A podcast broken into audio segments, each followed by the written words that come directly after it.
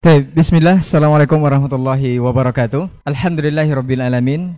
Wassalatu wassalamu ala asyrafil anbiya'i wal mursalin wa ala alihi wa ashabihi rasulillahi ajmain. Asyhadu an la ilaha illallah wahdahu la syarikalah wa asyhadu anna Muhammadan abduhu wa rasuluh la nabiyya ba'dah amma ba'd. 91,1 FM Radio Urbani Merajuk Ilmu dan Peradaban Generasi Urbani dan pemirsa KMTV anda berada untuk kesempatan hari ini. Alhamdulillah kita bersyukur kepada Allah Subhanahu wa taala. Kemudian salawat dan salam kepada Nabi Muhammad sallallahu alaihi wasallam selaku uswah hasanah kita dalam kehidupan. Bahagia sekali kita kembali berjumpa di program Diktat Dialog Keilmuan Islam bersama Ustadz untuk edisi ke-28 insyaallah. Kita akan membahas sebuah tema yang berkaitan erat dengan penghujung atau detik-detik akhir Ramadan 1443 Hijriah. Tidak terasa kita sudah berada di pekan terakhir di bulan suci Ramadan ini. Kita akan membahas tema buat Allah ridho, mereka bahagia. Seperti apa dan bagaimana nanti kita akan bahas bersama guru-guru kita yang sudah hadir di studio. Alhamdulillah ketiga narasumber kita. Untuk kesempatan pagi hari ini kita sapa dulu beliau, Ustadz Dr. Dasman Yahya Ma'ali LCMA Hafizahullah Ta'ala. Assalamualaikum Ustadz. Hayakallah Ustadz. Barakallah Ustadz. Taib kemudian Ustadz uh, Dr. Helmi Basri LCMA Hafizahullah Ta'ala. Assalamualaikum Ustadz. Alhamdulillah sehat Ustadz ya. Naam Ustaz. Kemudian Ustaz Dr. Hidayatullah Ismail LCMA Hafizahullah Ta'ala. Assalamualaikum Ustaz. Sehat Ustaz. Naam Ustaz. Baik, generasi Robani dan pemirsa KMTV untuk tidak memperpanjang mukadimah. Barangkali kita langsung saja kepada pembahasan seperti biasa nanti kita akan dengarkan masing-masing penjelasan dari para narasumber kita dan di sesi kedua antum bisa bersoal jawab di 082174 909 911. Baik, untuk pertama kita dengarkan dari guru kita Ustaz Dr. Dasman Yahya Ma'ali LCMA Hafizahullah Ta'ala. Fal yatafadal masykur Ustaz. Naam. Bismillahirrahmanirrahim. Assalamualaikum warahmatullahi wabarakatuh. Alhamdulillahi rabbil alamin. Wal aqibatu lil muttaqin. Wala udwana illa ala zalimin. Ashhadu an la ilaha illallah wahdahu la syarika lah. ولي الصالحين وخالق الخلق أجمعين ورزقهم وما من دابة في الأرض إلا على الله رزقها ويعلم مستقرها ومستودعها كل في كتاب مبين وأشهد أن محمدا عبده ورسوله الصادق الأمين صلى الله عليه وعلى آله الطيبين وأزواجه الطاهرات أمهات المؤمنين وأصحابه القادة الغر الميامين ومن تبعهم بإحسان إلى يوم يمتاز فيه أصحاب الشمال عن أصحاب اليمين. وبعد فأوصي نفسي وإياكم أيها الصائمون والصائمات. المستمعون والمستمعات أو المشاهدون والمشاهدات بتقوى الله عز وجل رب الأرض والسماوات فإنه قد فاز المتقون. يا أيها الذين آمنوا اتقوا الله حق تقاته ولا تموتن إلا وأنتم مسلمون.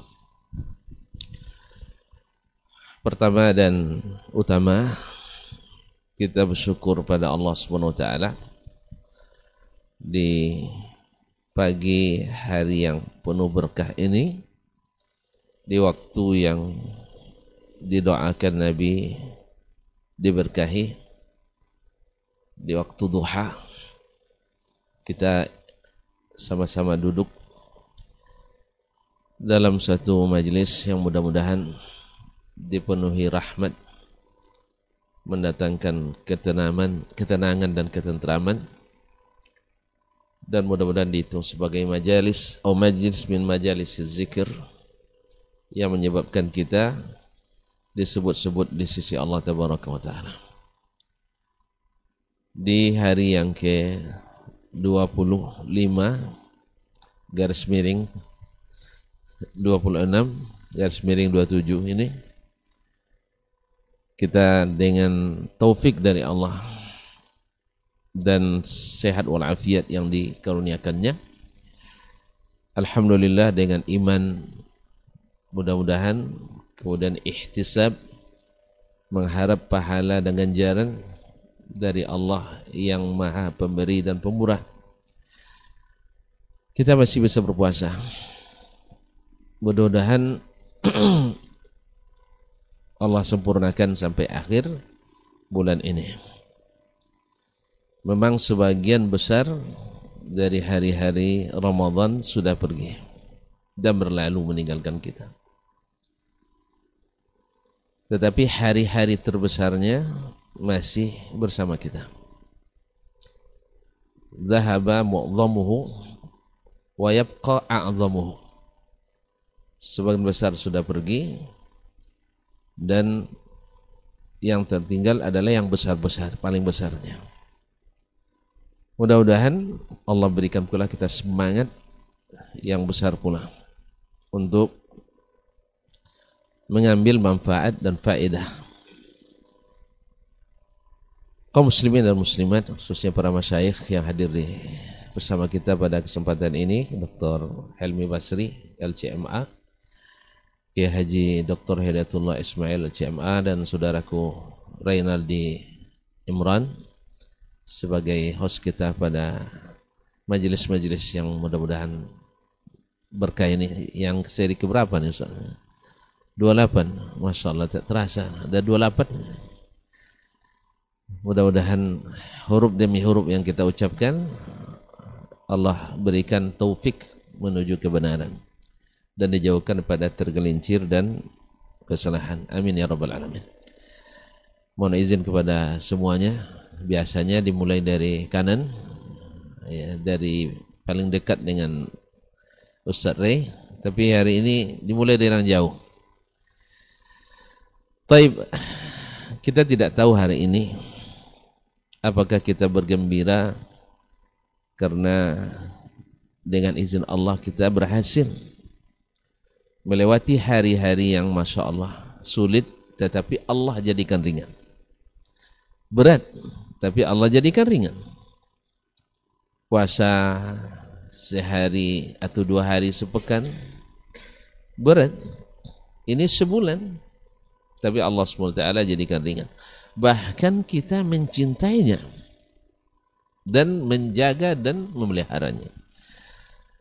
Ini luar biasa kaum muslimin dan muslimat. Allah berikan ini kepada kita. Nikmat yang luar biasa. Semoga menyertai kita pada tahun-tahun berikutnya sampai kita menutup usia dalam keadaan husnul khatimah. Kita tidak tahu apa gembira atau mulai kesedihan merayap ke dalam hati kita. Karena tinggal lima hari lagi atau empat hari lagi atau tiga hari lagi. Tapi mudah-mudahan hari raya sama insyaAllah karena berdasarkan prediksi ilmu falaknya Alhamdulillah sudah di atas empat derajat ya sudah melengkapi atau sudah memenuhi syarat yang disepakati oleh para menteri agama negara-negara yang tergabung dalam MABIMS, Malaysia, Indonesia, Thailand, Singapura dan uh, Brunei Darussalam.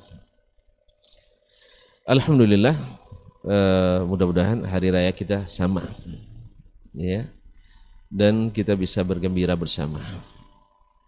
Tema kita hari ini buat Allah ridha dan mereka bahagia. Masyaallah kiram dirahmati Allah. Ini tema seperti kata dokter-dokter tadi, ini lebih umum ini. Apa yang dimaksud? Maka kaum muslimin dan muslimat dirahmati Allah, kita tahu bersama bahwa tak lama lagi kita akan merayakan suatu perayaan yang diizinkan dan disyariatkan bahkan menjadi syiar besar agama besar ini. Hampir-hampir wajib dilakukan oleh individu. Karena yang berhalangan untuk sholat saja, seperti wanita haid dan nifas, mesti menghadirinya.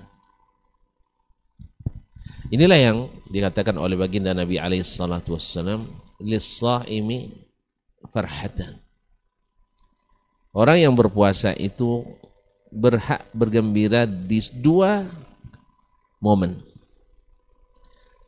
Perhatun indah fitrih. Yaitu bergembira di saat dia berbuka. Baik berbuka setiap hari atau berbuka di akhir Ramadan atau di awal Syawal. Maka berhak kita untuk bergembira di hari ini yang diizinkan Allah Subhanahu wa taala. Kemudian yang kedua adalah farhah inda liqa'i rabbih dan ini lebih kita harapkan. Itu kegembiraan kita di saat bertemu dengan Rabb. Allah tabaraka taala. Jadi di sini kaum muslimin dan muslimat judul diambil tema kita gembira kita di hari raya ini tapi dengan syarat Allah mesti ridha. Karena ada kegembiraan yang tidak tertandingi lagi yang harus kita tunggu. Maka gembira hari ini harus berbuah gembira lagi nanti di kita bertemu dengan Allah SWT. Makanya buat mereka gembira, Allah ridha. Atau buat Allah ridha, mereka gembira. Maka kita tidak boleh keluar dari koridor, dari tata cara, dari kaedah-kaedah syar'i. Sehingga dengan demikian insya Allah kegembiraan yang kita lakukan hari ini akan membuat kita lebih bergembira ketika bertemu dengan ilahi Rabbih. Farhatun inda fitrih wa farhatun inda liqa'i Rabbih. Maka di antara syairah min syairil Islam, di antara syiar yang Allah syariatkan dalam Islam bahwa setiap anggota kaum muslimin pada hari raya Idul Fitri mesti ikut bergembira. Mulai dari level paling bahagia, orang-orang yang diberikan Allah kelebihan rezeki, orang-orang kaya, orang-orang yang punya kelapangan hidup, sampai kepada mereka yang termiskin. Hari ini wajib bergembira. Wajib bergembira. Nah, bergembira ma'asyarul kiram dirahmati Allah. Bahwa pada hari raya itu kegembiraan didapat dengan cukupnya apa yang akan kita konsumsi. Karena namanya saja Idul Fitri, hari raya makan. Hari raya tidak boleh seorang tidak ada makanan. Maka Allah SWT untuk mengantisipasi itu melalui Nabi kita alaihissalatu wassalam mewajibkan mewajibkan zakatul fitri. Zakat fitrah diambil dari seluruh orang yang bernyawa Jadi supaya banyak. Sebab kalau seandainya satu dari satu kepala keluarga per kakak diwajibkan, tentu zakat fitrah tidak seberapa. Tapi ketika diwajibkan dari seluruh yang bernyawa pada hari tenggelamnya matahari terakhir bulan Ramadan, maka saat ya, ketika tenggelamnya matahari dan dalam keadaan bernyawa, artinya dalam keadaan hidup baik yang tua, yang muda, yang renta, sampai yang bayi yang baru lahir, maka wajib dizakatkan fitrahnya atau wajib dibayar zakat fitrah. Sehingga setiap rumah mengeluarkan zakat fitrah. Dan alhamdulillah syariat tidak membatasi berapa yang mesti diberi. Tidak ada pembatasan ya Ustaz ya.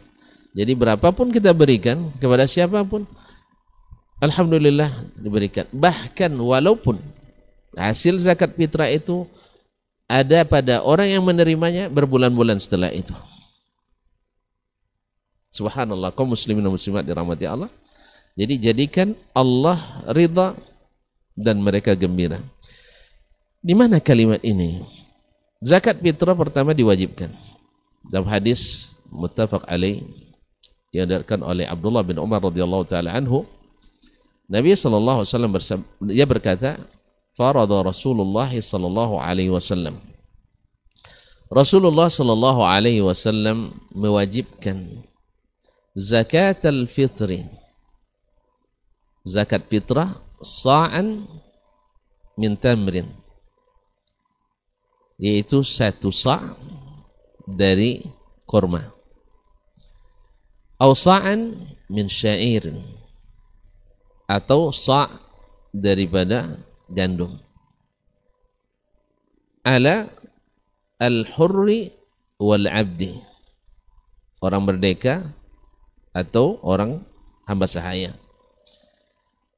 Wal zakari wal untha jenis kelamin laki-laki dan perempuan. Wal sagiri wal kabir yang kecil maupun yang besar. Minal muslimin dari kalangan kaum muslimin. Di, diwajibkan zakat fitrah dari makanan. Karena Nabi menyebutkan sebagian jenis makanan. Tamur, makanan pokok. Syair, makanan pokok. Satu sa' satu sa' adalah kalau sa' nabawi yang kalau kita takar-takar nabawi itu adalah empat mud dan satu empat mud ini kalau ditimbang dikonversikan dengan beras hari hari ini maka akan keluar angka 6,624 6,624 kilogram berupa beras. Masyarakat kiram dirahmati Allah SWT Kenapa makanan?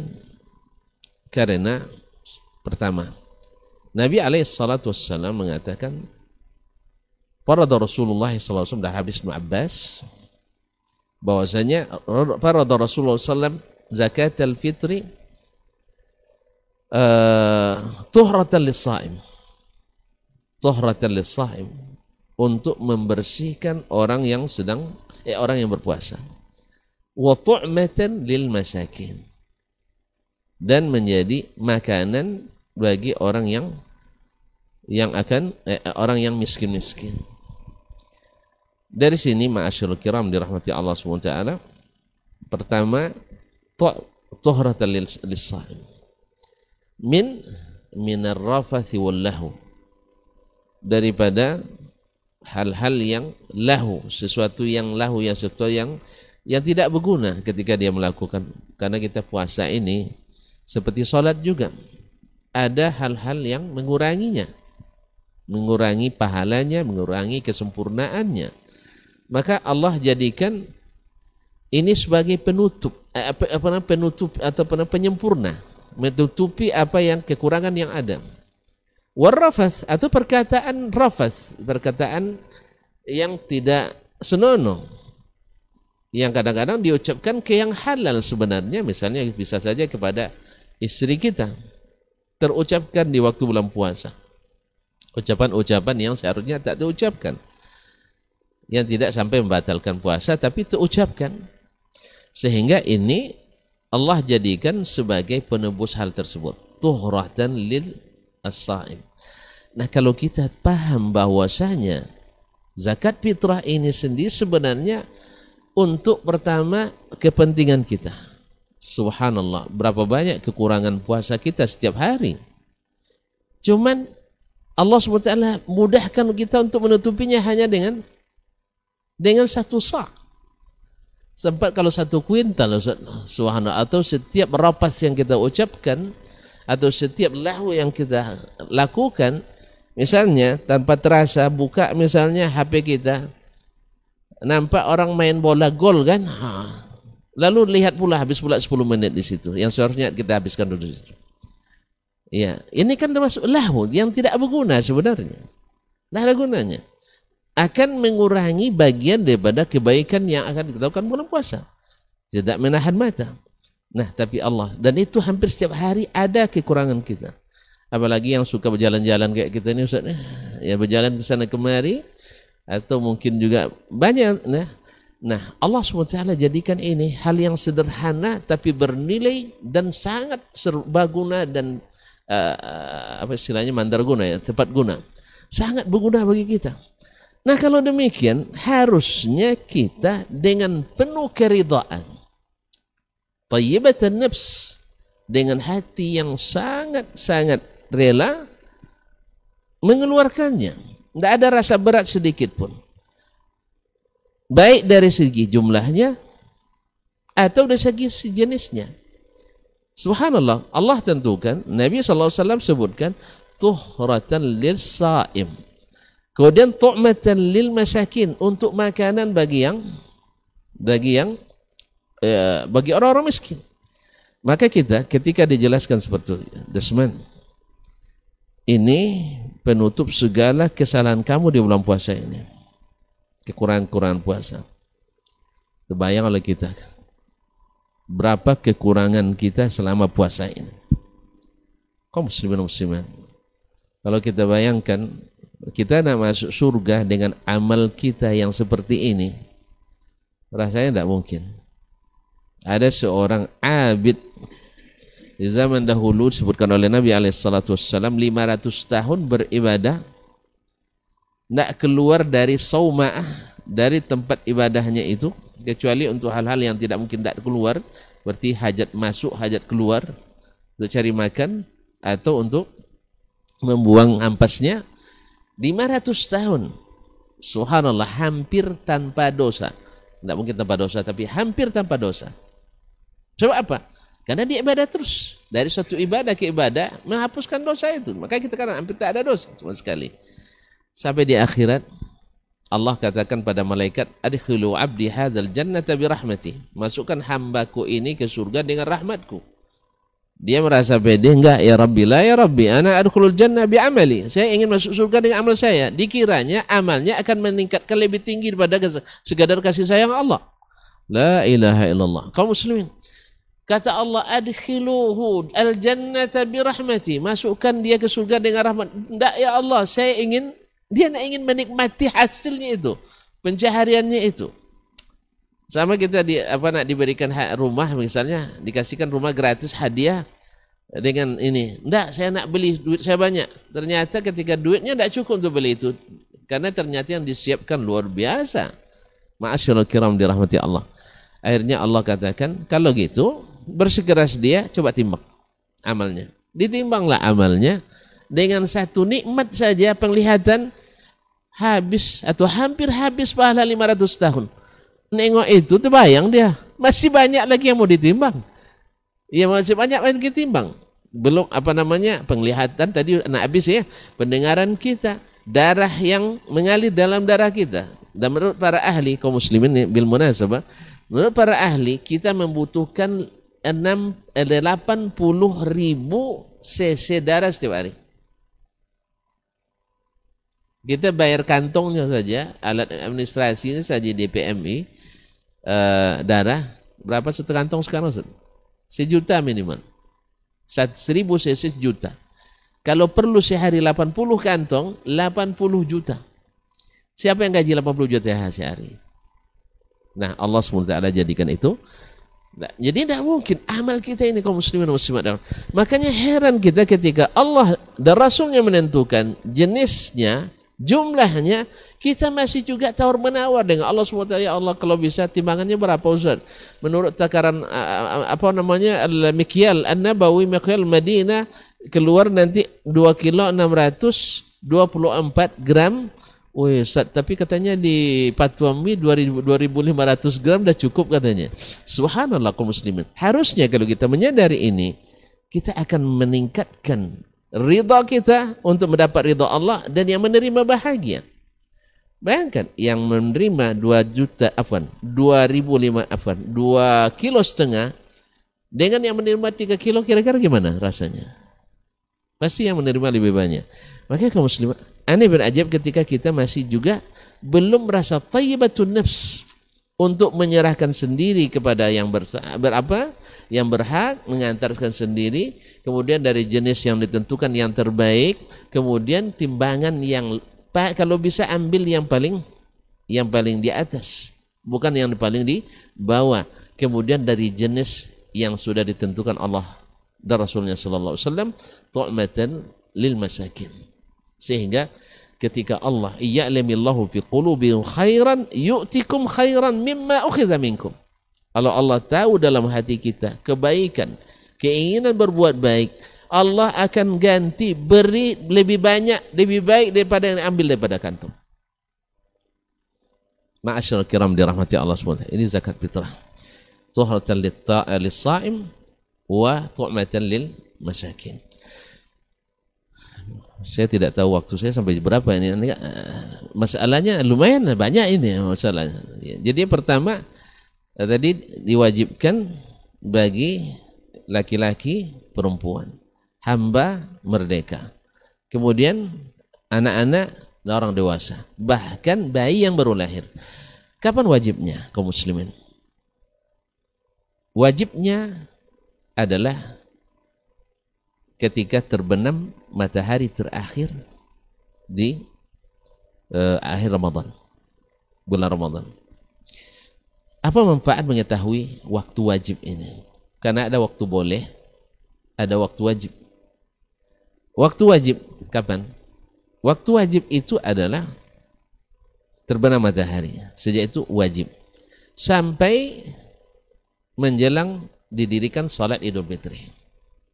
Jadi semalam kita punya kesempatan untuk ini. Apa faedah mengetahui waktu wajib? Mengetahui waktu wajib adalah untuk mengetahui pertama di mana seseorang mengeluarkan zakat fitrahnya. Andainya sekarang saya bulan puasa ada di Pekanbaru. Lalu saya musafir ke nah lah kira-kira? Anggaplah biar nak jauh-jauh ke Padang. Nah, sebelum terbenam matahari saya sudah berangkat. Nah, pas terbenam matahari saya berada di Padang. Berarti zakat fitrah saya saya keluarkan di di Padang. Karena ini yang aula. Tidak wajib memang seperti itu, tapi utamanya di mana kita berbuka, di mana kita selesai puasa, di situ zakat fitrah. Wala haraj. Tidak masalah. Seandainya sebelum berangkat kita pesan kepada orang di kampung, tolong bayarkan zakat fitrah nanti saya, saya musafir. Itu boleh. Masalah. Tapi yang lebih aula, di mana kita berbuka. Yang kedua, orang yang misalnya masuk Islam. Kalau dia masuk Islam sebelum terbenam matahari, berarti kena kewajiban zakat fitrah. Walaupun dua menit sebelum terbenam matahari itu.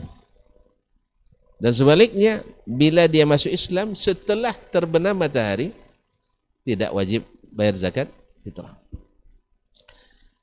Yang ketiga, bayi yang lahir. Bayi yang lahir dua sebelum terbenam matahari. Artinya di saat terbenam matahari dia sudah hidup, sudah lahir, maka diwajib membayar zakat fitrah tentu saja dibayar oleh walinya. Demikian juga dengan orang yang misalnya uh, afwan uh, orang yang misalnya gila misalnya atau pingsan. Asalnya dibayarkan oleh orang lain, tapi setelah dia siuman, dia yang kena kewajibannya sekarang. Dan seterusnya banyak yang dibahas oleh para fuqaha dalam masalah ini kaum muslimin masalah. Jadi uh, dalam hal ini uh, banyak nanti mungkin Ustaz Helmi akan lebih detail lagi karena memang sebenarnya bagian beliau nih kaji ini anak-anak. Dan saya dayat hikmah-hikmahnya ini manfaat mengetahui kapan wajibnya. Nah, kapan bolehnya dalam hal ini ulama yang menurut yang saya ketahui uh, ada tiga pendapat. Pendapat pertama boleh dibayar satu atau dua hari menjelang Idul Fitri. Yang berpendapat seperti ini, eh, afwan ini adalah berdasarkan amalan banyak sahabat. Mereka membayarnya dua atau satu hari menjelang Idul Fitri. Ini konsekuensinya kan Ramadan 29 30. Kalau dia kira sehari dua hari menjelang Idul Fitri, dengan perkiraan 29 ternyata dia bayar ternyata Ramadan 30 maka yang berpendapat seperti ini belum sah zakat fitrahnya. Harus dia bayar lagi. Karena mengeluarkan sesuatu belum pada waktunya. Ini jumhur al-fuqaha mengatakan boleh dibayar ini. Kalau hampir ijma yang seperti ittifaq ya didahulukan sehari dua hari. Kemudian di kalangan sebagian asy-syafi'iyah boleh dibayar sejak awal Ramadan. Dan mulai puasa Ramadan itu sudah boleh dibayarkan.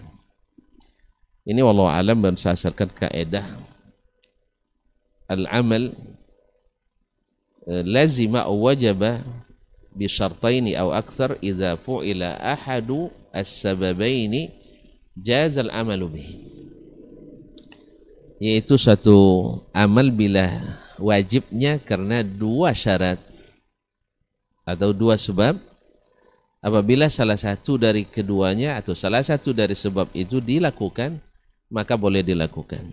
Menurut asy zakat fitrah itu wajib karena puasa dan wajib karena uh, apa namanya uh, karena puasa dan wajib alal abadan. Eh, sekarang sebabnya puasa sudah dilakukan, maka boleh dibayarkan di awal Ramadan. Dan tentu, dan tentu saja ini pendapat marjuh sebab makna daripada tu'matan lil masakin wa agnuhum anis su'ali fi dzalikal yawm hilang karena satu sok seberapa lah tahannya ini jadi nanti tafsirus saim bukan uh, tu'matan lil masakin yawmal id ini baik wa hunaka ma ab'ad min itu ada pendapat yang lebih jauh daripada itu dan lebih syas lagi adalah boleh dibayarkan kapan saja sebelum Ramadan ya dengan niat zakat fitrah. Walaupun ada yang mengatakan seperti itu, tapi ini secara dalil sangat lemah. Wallahu taala alam. E, barangkali ini yang saya sampaikan karena masih banyak hal-hal yang harus dibicarakan dalam masalah ini. Mungkin selanjutnya akan disempurnakan oleh Asy-Syaikhan Al-Fadilan insyaallah taala. Barakallahu fikum jami'an. Wassalamualaikum warahmatullahi wabarakatuh. Waalaikumsalam warahmatullahi wabarakatuh. Taib. Jazakallah khairan Zat. Barakallahu fiik. Uh, kita lanjutkan penjelasan berikutnya mengenai tema kita buat Allah ridho dan mereka bahagia dari guru kita Ustaz Dr. Helmi Basri LCMA Hafizahullah Ta'ala. Fal yatafadal masykur Ustaz Nah. Bismillahirrahmanirrahim. Assalamualaikum warahmatullahi wabarakatuh. Alhamdulillah Wassalatu wassalamu ala rasulillah wa ala alihi wa sahbihi wa mawala Asyhadu an la ilaha illallah wahdahu la syarikalah Wa asyhadu anna muhammadan abduhu wa rasuluh la nabiyya ba'da. Para masyayikh, Dr. Dasman, Dr. Hidayatullah, Saudara Ray, serta ikhwah yang hadir di studio pada pagi hari ini dan yang mendengar atau menyaksikan secara online acara kita. Mudah-mudahan kita semua adalah orang-orang yang senantiasa mendapatkan ridha dari Allah Subhanahu wa taala uh, tidak henti-hentinya kata puji dan syukur kita berikan kepada Allah Subhanahu wa taala. Alhamdulillah atas izin Allah lah pada pagi hari ini kita bisa kembali bermuzakarah. Kita bisa kembali berbagi, berbincang-bincang seputar Islam yang mudah-mudahan ini bisa menjadi wasilah untuk meraih kemuliaan yang sebenarnya di sisi Allah Subhanahu wa taala. Mudah-mudahan kegiatan kita ini bisa menambah iman, bisa menambah ilmu. Iman dan ilmu itulah yang akan mendapatkan kemuliaan, yang menyebabkan kita mendapatkan kemuliaan di sisi Allah Subhanahu wa taala. Yarfa'illahu alladhina amanu minkum walladzina utul ilma darajat. Sama-sama kita juga harus bersalawat dan salam untuk Rasulullah sallallahu alaihi wasallam. Allahumma salli ala Muhammad wa ala ali Muhammad. Mudah-mudahan kita benar-benar mampu untuk membuktikan cinta kita kepada beliau. Mudah-mudahan bulan Ramadan ini adalah bulan memupuk cinta, bulan di mana kita benar-benar membuktikan cinta kita kepada Allah dan kepada Rasulullah Sallallahu Alaihi Wasallam. Karena seperti yang sudah kita ketahui bersama bahwa yang akan menyelamatkan kita di akhirat kelak itu sesungguhnya adalah cinta. Cinta kita kepada Rasul itulah yang akan menyelamatkan kita di yaumal mahsyar. Itu berdasarkan kepada ungkapan Nabi kepada seorang sahabat yang bertanya tentang kapan hari kiamat. Nabi tidak jawab kapan hari kiamat itu karena Nabi memang tidak tahu dan tidak penting juga untuk mencari-cari kapan waktunya karena dia pasti. Maka Nabi balik bertanya mengalihkan kepada yang lebih penting. Mada adat talaha? Sahabat menjawab, A'adattuha bihubbillahi wa bihubbi rasuli. Apa yang kamu persiapkan untuk hari itu? Dia menjawab, aku persiapkan hari itu dengan cinta Allah dan cinta Rasul. Dan Nabi mengatakan, anta ma'aman ahbabta. Oh kalau begitu, berarti kamu bersama orang yang kamu cintai. Oleh karena itu, cinta kepada Rasul adalah penyebab selamatnya kita di hari mahsyar karena mustahil orang yang bersama Rasul lalu tidak selamat. Anta ma'aman ahbabta. Oleh karena itu beri, berikanlah cinta kita sepenuhnya kepada Rasul Sallallahu Alaihi Wasallam dan jangan berikan cinta yang sesungguhnya kepada selain beliau. Jangan pernah mencari idola selain daripada Rasul Sallallahu Alaihi Wasallam karena beliaulah yang memiliki semua kelebihan. Orang begitu mudah menjadikan uh, figur-figur tertentu sebagai idola hanya karena kelebihan-kelebihan tertentu. Kadang karena ketampanannya. Itu artis-artis jadi idola karena ketampanannya. Nggak ada bandingnya dengan tampannya Rasul itu. Sallallahu alaihi wasallam. Rata-rata yang dijadikan idola itu pasti ada kelebihan-kelebihan yang dia punya. Sementara Rasul memiliki semua kelebihan-kelebihan yang diidolakan itu. Beliaulah yang paling pemaaf, beliau paling pemurah, beliau paling murah senyum, beliau paling tampan, paling apa lagi ada pada Rasulullah sallallahu alaihi wasallam. Wa innaka la'ala khuluqin azim. Rasul itu berada pada puncak ketinggian akhlak yang sesungguhnya. Mudah-mudahan kita semua insya Allah mudah-mudahan bisa mendapatkan syafaatnya di Yaumal Mahsyar. Amin, amin ya Rabbal Alamin. Ikhwati fillah para pendengar, para pemirsa yang dimuliakan Allah. Kita sekarang sedang berada pada bagian-bagian akhir dari bulan Ramadan. Sebuah musim di mana itu adalah musim ketaatan yang sebenarnya Ibnu Rajab Al-Hambali mengatakan bahwa musim-musim ketaatan itu yang paling utama biasanya di bagian akhir. Selalu saja diletakkan pada bagian akhir musim-musim taat itu. Maka dari Ramadan secara keseluruhan sebagai sebuah musim ta'ah itu waktu-waktu yang paling afdal itu adalah ada pada bagian akhir. Dan kita sekarang berada pada waktu-waktu yang terbaik itu. Untuk kemudian mudah-mudahan nanti kita bisa mengakhirinya dengan sebuah hari raya. Hari Idul Fitri.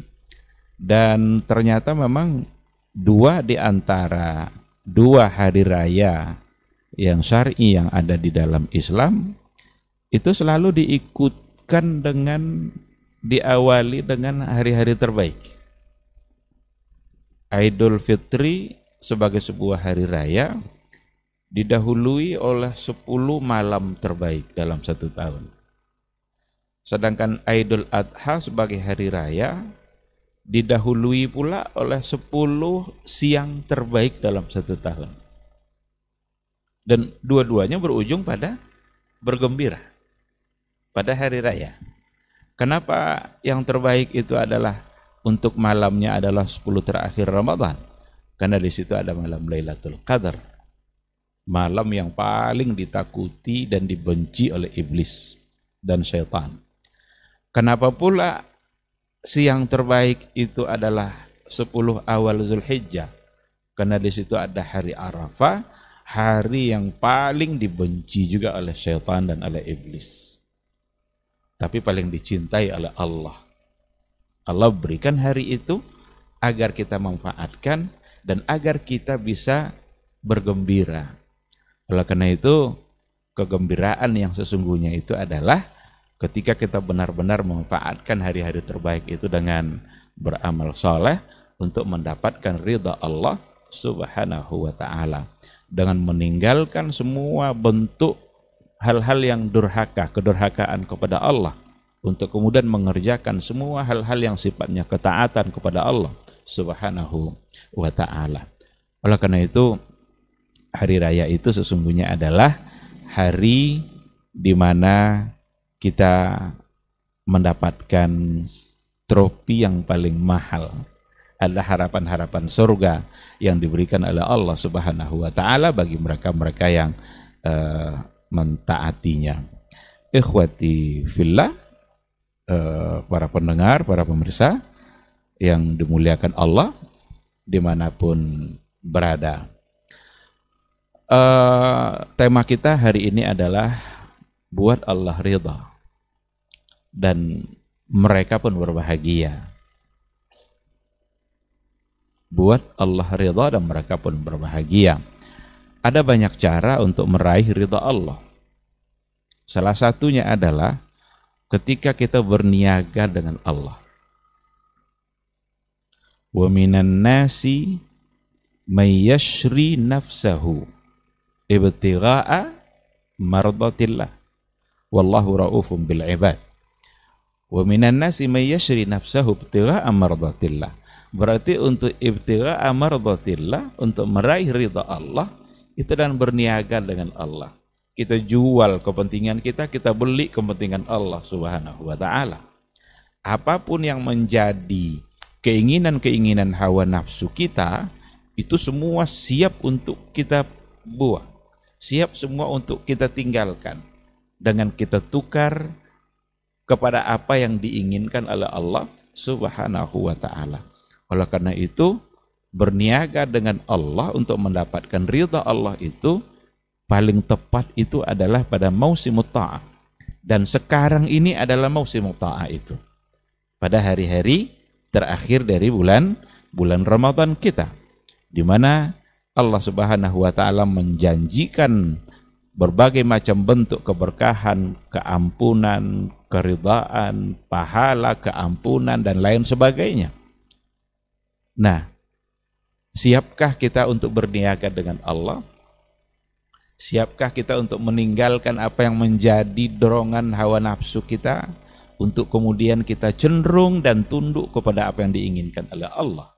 Kita beli itu, kita jual yang yang uh, yang satunya kita ambil yang yang satunya lagi sebagai ganti. Ibtigha amardatillah untuk mengharapkan mendapatkan ridha ridha Allah Subhanahu wa taala. Mudah-mudahan kita semua dimudahkan oleh Allah untuk melakukan itu. Karena bagaimanapun semuanya ada pada kehendak Allah. Maka perlu kita berdoa kepada Allah Subhanahu wa taala sebanyak mungkin agar dimudahkan untuk menjadi orang yang taat, agar dimudahkan untuk menjadi orang yang bersyukur, agar dimudahkan untuk menjadi orang-orang yang suka berinfak. Karena itu semua adalah atas kehendak Allah Subhanahu wa taala. Ikhwati fillah uh, tadi sudah dibahas banyak hal terkait dengan hal-hal yang menjadi kewajiban kita pada akhir-akhir Ramadan ini. Tapi ada banyak hal lagi yang yang perlu kita kita ketahui. Dan mungkin juga kita sekedar saling mengingatkan saja. Bagi yang sudah tahu ya barangkali sekedar untuk mengingatkan. Kita diminta untuk mengulang-ulang doa oleh Rasulullah Sallallahu Alaihi Wasallam ketika Aisyah Ummul Mukminin bertanya kepada Rasulullah Shallallahu Alaihi Wasallam, ya Rasulullah, seandainya saya berada pada malam Lailatul Qadar itu, apa yang paling pantas dan paling tepat untuk saya ucapkan? Maka ketika itu Rasul mengatakan, katakanlah, Allahumma innaka afun tuhibbul afwa fa'fu anni. Allahumma innaka afuun tuhibbul afwa fa'fu anni. Uh, ada juga yang menambah dengan karimun Ustaz ya. Afun, karimun. Cuma seperti apa status riwayatnya? Uh, wallahu alam. Tapi yang yang paling sering kita baca dalam buku-buku itu afun. Allahumma innaka afuun tuhibbul afwa fa'fu anni. Ya Allah, sesungguhnya Engkau adalah Maha Pemaaf dan suka untuk memberikan maaf itu. Fa'fu anni, maka maafkanlah saya. Ada analisa-analisa bahasa yang disampaikan juga oleh para ulama. Kenapa di situ tidak tidak diminta maghfirah? Kenapa maaf? Apakah berbeda antara al-afu dengan al-maghfirah? Uh, di antara penjelasannya para ulama memang mengatakan berbeda. Karena kalau al-afu itu bermakna maha gitu saja. Menghapus total tanpa bekas. Jadi kita meminta agar dosa kita itu terampuni oleh Allah, dihapus, bahkan dihapus dari catatan dosa. Dan itu bisa kalau Allah mau melakukan itu.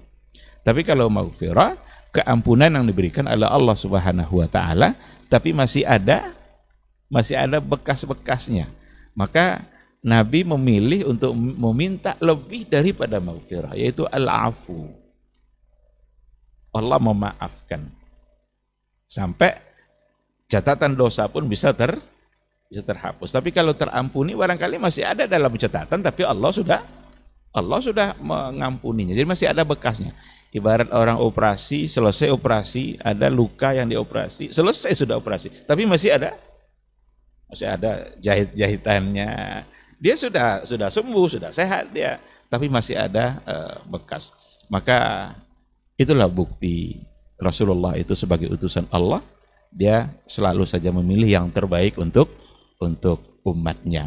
Ini yang yang penting untuk kita kita apa? Kita lakukan di hari akhir-akhir Ramadan ini pada waktu-waktu yang terbaik apalagi khususnya pada malam pada malam hari. Uh, pada bagian akhir nanti dalam Ramadan kita juga akan kita akhiri dengan zakatul fitr. Zakat fitrah. Uh, tadi sudah banyak hal yang disampaikan oleh uh, eh, Dr. Dasman oleh guru kita di mana hikmahnya luar biasa untuk zakat fitrah itu. Rasul mengatakan sallallahu alaihi wasallam uh, farada Rasulullah sallallahu alaihi wasallam zakat al-fitri. Uh, Rasul mewajibkan untuk membayar zakat fitrah. Dalam satu hadis yang lain itu tentang faidahnya uh, zakat fitrah itu tuhratan lis-saim wa tu'matan lil masakin. Kalau dikatakan tuhratan lis-saim, bukankah anak kecil juga bayar zakat fitrah? Kalau dia tidak berpuasa. Sementara zakat fitrah itu adalah untuk membersihkan jiwa orang-orang yang berpuasa. Kenapa anak kecil juga bayar zakat fitrah, bahkan yang baru lahir saja?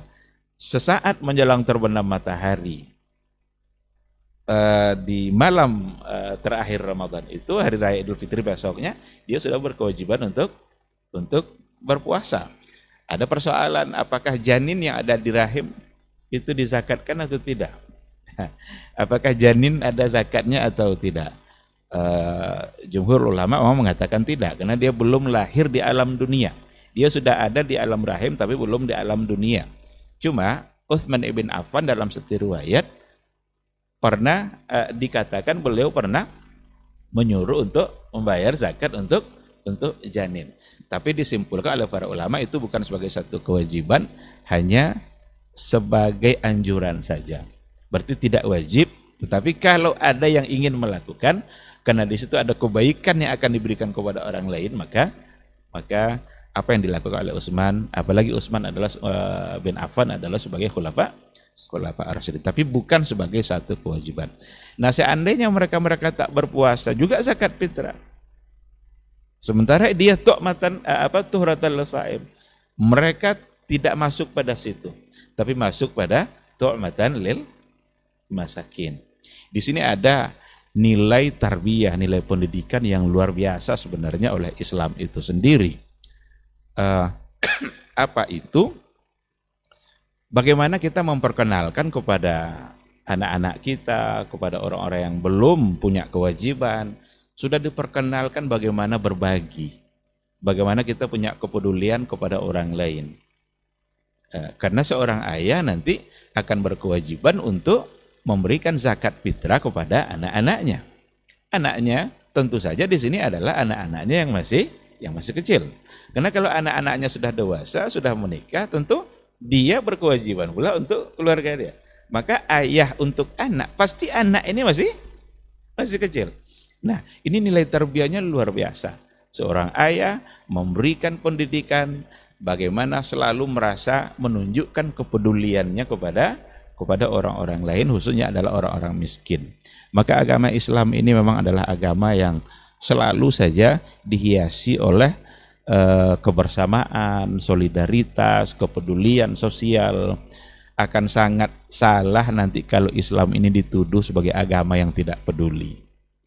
Akan sangat salah nanti kalau dituduh Islam ini agama yang suka uh, kekerasan dan lain sebagainya. Nah, agama Islam lah agama yang lembut. Agama Islam lah agama yang menunjukkan kepedulian kepeduliannya terhadap orang lain. Bahkan dari semua doktrin-doktrin yang ada dalam Islam itu selalu mengandung makna makna kebersamaan puasa, sholat, zakat, haji itu semua ada ada nilai-nilai kebersamaan. Ramadan di antaranya adalah adanya zakat, zakat fitrah. Bahkan orang-orang yang belum berpuasa sekalipun dia diminta untuk dibayarkan oleh oleh orang tuanya agar dia tahu bahwa mereka punya tanggung jawab bukan hanya untuk diri dia saja tapi juga untuk untuk orang lain. Ada satu hal lagi yang menarik di sini. Dikatakan uh, tadi kan ala sagiri wal kebiri dan juga bahwa zakat fitrah itu berbeda sama zakatul mal. Kalau zakat mal itu syaratnya kaya. Dia punya harta sampai nisab, kan kaya namanya itu. Uh, tapi kalau zakatul nafs, zakatul badan, syaratnya tidak kaya. Miskin pun dia, Asal dia punya kelebihan makanan pada hari itu, dia berkewajiban untuk untuk membayarkan zakat fitrah. Ini pelajarannya luar biasa juga. Untuk apa namanya itu mengajak orang miskin katakanlah ada di antara orang miskin yang barangkali selama ini dia suka meminta-minta. Tapi orang yang selama ini meminta-minta itu diminta pula dia untuk merasakan bagaimana nikmatnya memberi walaupun sekali setahun. Kan selama ini di, di, di bawah terus tangannya meminta-minta terus dia. Tapi di hari raya semua kita sama di sisi Allah, semua kita bergembira. Bahkan orang miskin pun dibawa jiwanya agar merasa kaya karena dia sendiri bisa mem bisa memberi. Yang selama ini dia meminta-minta tapi hari itu tangannya di atas. Luar biasa ajaran Islam ini. Tidak ada syariat yang eh, yang yang sesempurna apa yang diajarkan oleh uh, Rasulullah sallallahu alaihi wasallam. Nah, ikhwati fillah uh, ada yang mengibaratkan zakat fitrah itu bagaikan sujud sahwi dalam sholat. Ada yang mengibaratkan seperti itu. Kalau kita lupa saat sholat, kadang pikiran kita entah ke mana-mana. Ini rakaatnya tiga atau empat ini? Tiga atau empat? Sujud sudah sujud eh, dua atau atau masih masih tiga karena digoda terus oleh oleh syaitan. Dalam kelupaan seperti itu ada sujud sahwinya. Sujud sahwi itulah yang akan meng, menutupi kesalahan-kesalahan yang tadi itu. Jadi ketika di, diibaratkan seperti itu, maka tuhratal lisaimi minal lahwi warrafasi membersihkan jiwa orang yang berpuasa minar rafasi wallahwi dari berkata-kata yang barangkali ada yang salah ucap atau uh, laga atau sia-sia dia mengucapkan hal yang tak perlu dia ucapkan semua itu akan tertutupi pula oleh oleh zakatul fitri. Maka benar sekali yang dikatakan oleh guru kita tadi kitalah sebenarnya yang membutuhkan zakat fitrah itu. Jangan sekali-kali menganggap zakat fitrah itu sebagai kewajiban sekedar kewajiban tetapi sesungguhnya dia adalah kebutuhan kita. Kita harus sadar bahwa barangkali kita boleh juga membaca ulang sebulan yang kita berpuasa itu berapa kali kira-kira yang yang benar-benar kita maksimal dan full. Artinya tidak ada kata yang terucap, tidak ada waktu yang terlalaikan, tidak ada mata yang salah pandang, tidak ada lidah yang barangkali tidak mengucapkan. Ada ndak hari di mana kita tidak melakukan itu semua? Kalau seandainya tidak ada, itu artinya kita membutuhkan penghapusan-penghapusan uh, kesalahan itu dibersihkan kembali dan ternyata Allah Subhanahu wa taala memberikan cara yang paling mudah untuk membersihkan itu semua. Hanya dengan memberikan zakat fitrah, tuhratan lisaim. Bisa membersihkan jiwa orang-orang yang mereka-mereka yang yang berpuasa. Oleh karena itu sekali lagi itu benar-benar kebutuhan kita. Kitalah yang ingin untuk uh, membersihkan hati kita melalui apa uh, kesalahan kita dengan cara berzakat fitrah. Oleh karena itu Bolehkah diberikan zakat fitrah lebih dari kadar yang di yang sudah ditetapkan? Boleh-boleh saja karena memang itu adalah sebagai satu kebaikan, sesuatu yang mengandung kebaikan. Yang tidak boleh itu dikurangi. Nah, kalau dikurangi tentu berarti cari-cari celah untuk untuk uh, jangan-jangan uh, ada enggak alasan agar tidak bayar zakat fitrah. Jadi itu pula pertanyaannya gitu kan. Tapi dikurangi jangan, tapi dilebihkan dilebihkan itu disilahkan. Ikhwati fillah, uh, ketika kita mengakhiri Ramadan kita dengan berhari raya, maka barangkali akan ada dua kemungkinan sebenarnya. Kegembiraan di hari itu ada orang yang benar-benar bergembira karena merayakan kemenangan diri dia, kesuksesan puasanya. Tapi bisa jadi ada orang yang pura-pura ikut bergembira bersama orang lain dan dia sebenarnya hanya ikut merayakan kemenangan dan kebahagiaan orang lain. Yang kita harapkan tentu saja adalah kemenangan kita, adalah kebahagiaan kita, bukan pura-pura dalam bergembira. Ini juga dalam dalam mencintai Ramadan ini jujurkah kita mencintainya? Ketika Ramadan akan berakhir kira-kira kita bergembira atau atau senang? Itu bisa jadi ukuran. Maka pada masa salaf dulu hari raya, hari di mana mereka menangis. Kenapa mereka menangis? Karena mereka berpisah dengan yang mereka cintai. Kalau berpisah dengan yang dicintai, itu kira-kira menangis atau sedih atau gembira? Berpisah dengan yang dicintai. Ramadan itu waktu-waktu yang paling mereka cintai. Maka hari pertama Syawal, hari di mana mereka meneteskan air mata, menangis karena berpisah dengan yang dia cintai. Tetapi kebanyakan malah di hari raya hari di mana mereka bersenang-senang, bergembira. Jangan-jangan dia tidak jujur dalam mencintai Ramadan. Jangan-jangan dia pura-pura dalam mencintai Ramadan. Nah, mari sama-sama kita buktikan cinta kita, jujur dalam mencintai, tidak ada kata terlambat. Ada beberapa hari ke depan yang masih tersisa di hadapan kita yang diberikan oleh Allah Subhanahu wa taala dan tidak ada kata terlambat untuk berbuat baik. Seandainya sebelumnya penuh dengan hura-hura, mulai hari ini taatlah kepada Allah dan tidak ada kata terlambat untuk mentaati Allah Subhanahu wa taala. Mudah-mudahan kita semua adalah orang-orang yang benar-benar uh, berbahagia, bergembira dan orang-orang benar-benar jujur dalam mencintai Allah, mencintai Rasul dan kita buktikan dan kejujuran kita dalam mencintai ibadah di dalam bulan Ramadan sampai akhir Ramadan kelak uh, akhirnya nanti. Mudah-mudahan Allah mengizinkan kita untuk sampai pada akhir Ramadan. Mungkin ini yang bisa saya sampaikan. Harapan kita tentu saja kita mendapatkan ridha Allah Subhanahu wa taala dan kita bisa membuat diri kita dan juga orang lain berbahagia ketika mengakhiri Ramadan. Terima kasih. Subhanakallah wa bihamdika asyhadu an la ilaha illa anta astaghfiruka wa atubu ilaik. Assalamualaikum warahmatullahi wabarakatuh. Waalaikumsalam warahmatullahi wabarakatuh. Taib barakallahu fikum jazakallah khairan untuk penjelasannya. Kita lanjut dengarkan dari guru kita Ustaz Dr. Hidayatullah Ismail LCMA hafizahullah taala.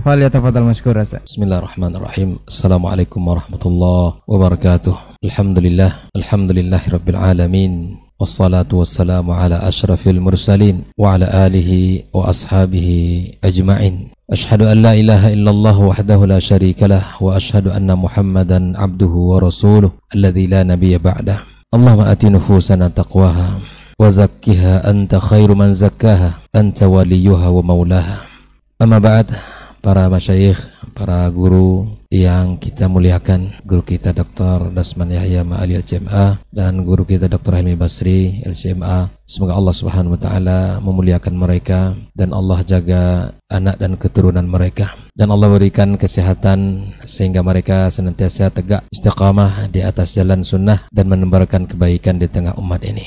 Saudara saya Rai dan seluruh tim uh, Radio Robani dan KMTV yang saya banggakan, para pendengar dan pecinta KMTV dan Radio Robani di mana pun berada As-Sa'imin As-Sa'imat Rahimakumullah. Alhamdulillah tak henti-henti lisan kita mengucapkan puji dan syukur pada Allah Subhanahu Wa Taala yang senantiasa memberikan kesempatan kepada diri yang lemah ini untuk menambal dan menutupi kekurangan-kekurangan kita. Demi untuk menguatkan dan mengokohkan langkah kita menujunya. Kita diberikan Allah Subhanahu wa taala kemudahan-kemudahan untuk bisa menyempurnakan kebaikan-kebaikan yang telah Allah gariskan kepada kita. Alhamdulillah kita sekarang berada pada 25 puasa yang ke-25 atau tadi garis miring 26 yang mudah-mudahan Allah Subhanahu wa taala Allah terima ibadah kita. Allah terima siam kita, Allah terima qiyam kita. Kita masih teringat ya di dalam beberapa waktu yang tidak lama kita bersama-sama mengucapkan para doa juga mengucapkan para asatiza juga mengucapkan dan kita semua mengucapkan kalimat marhaban ya Ramadan.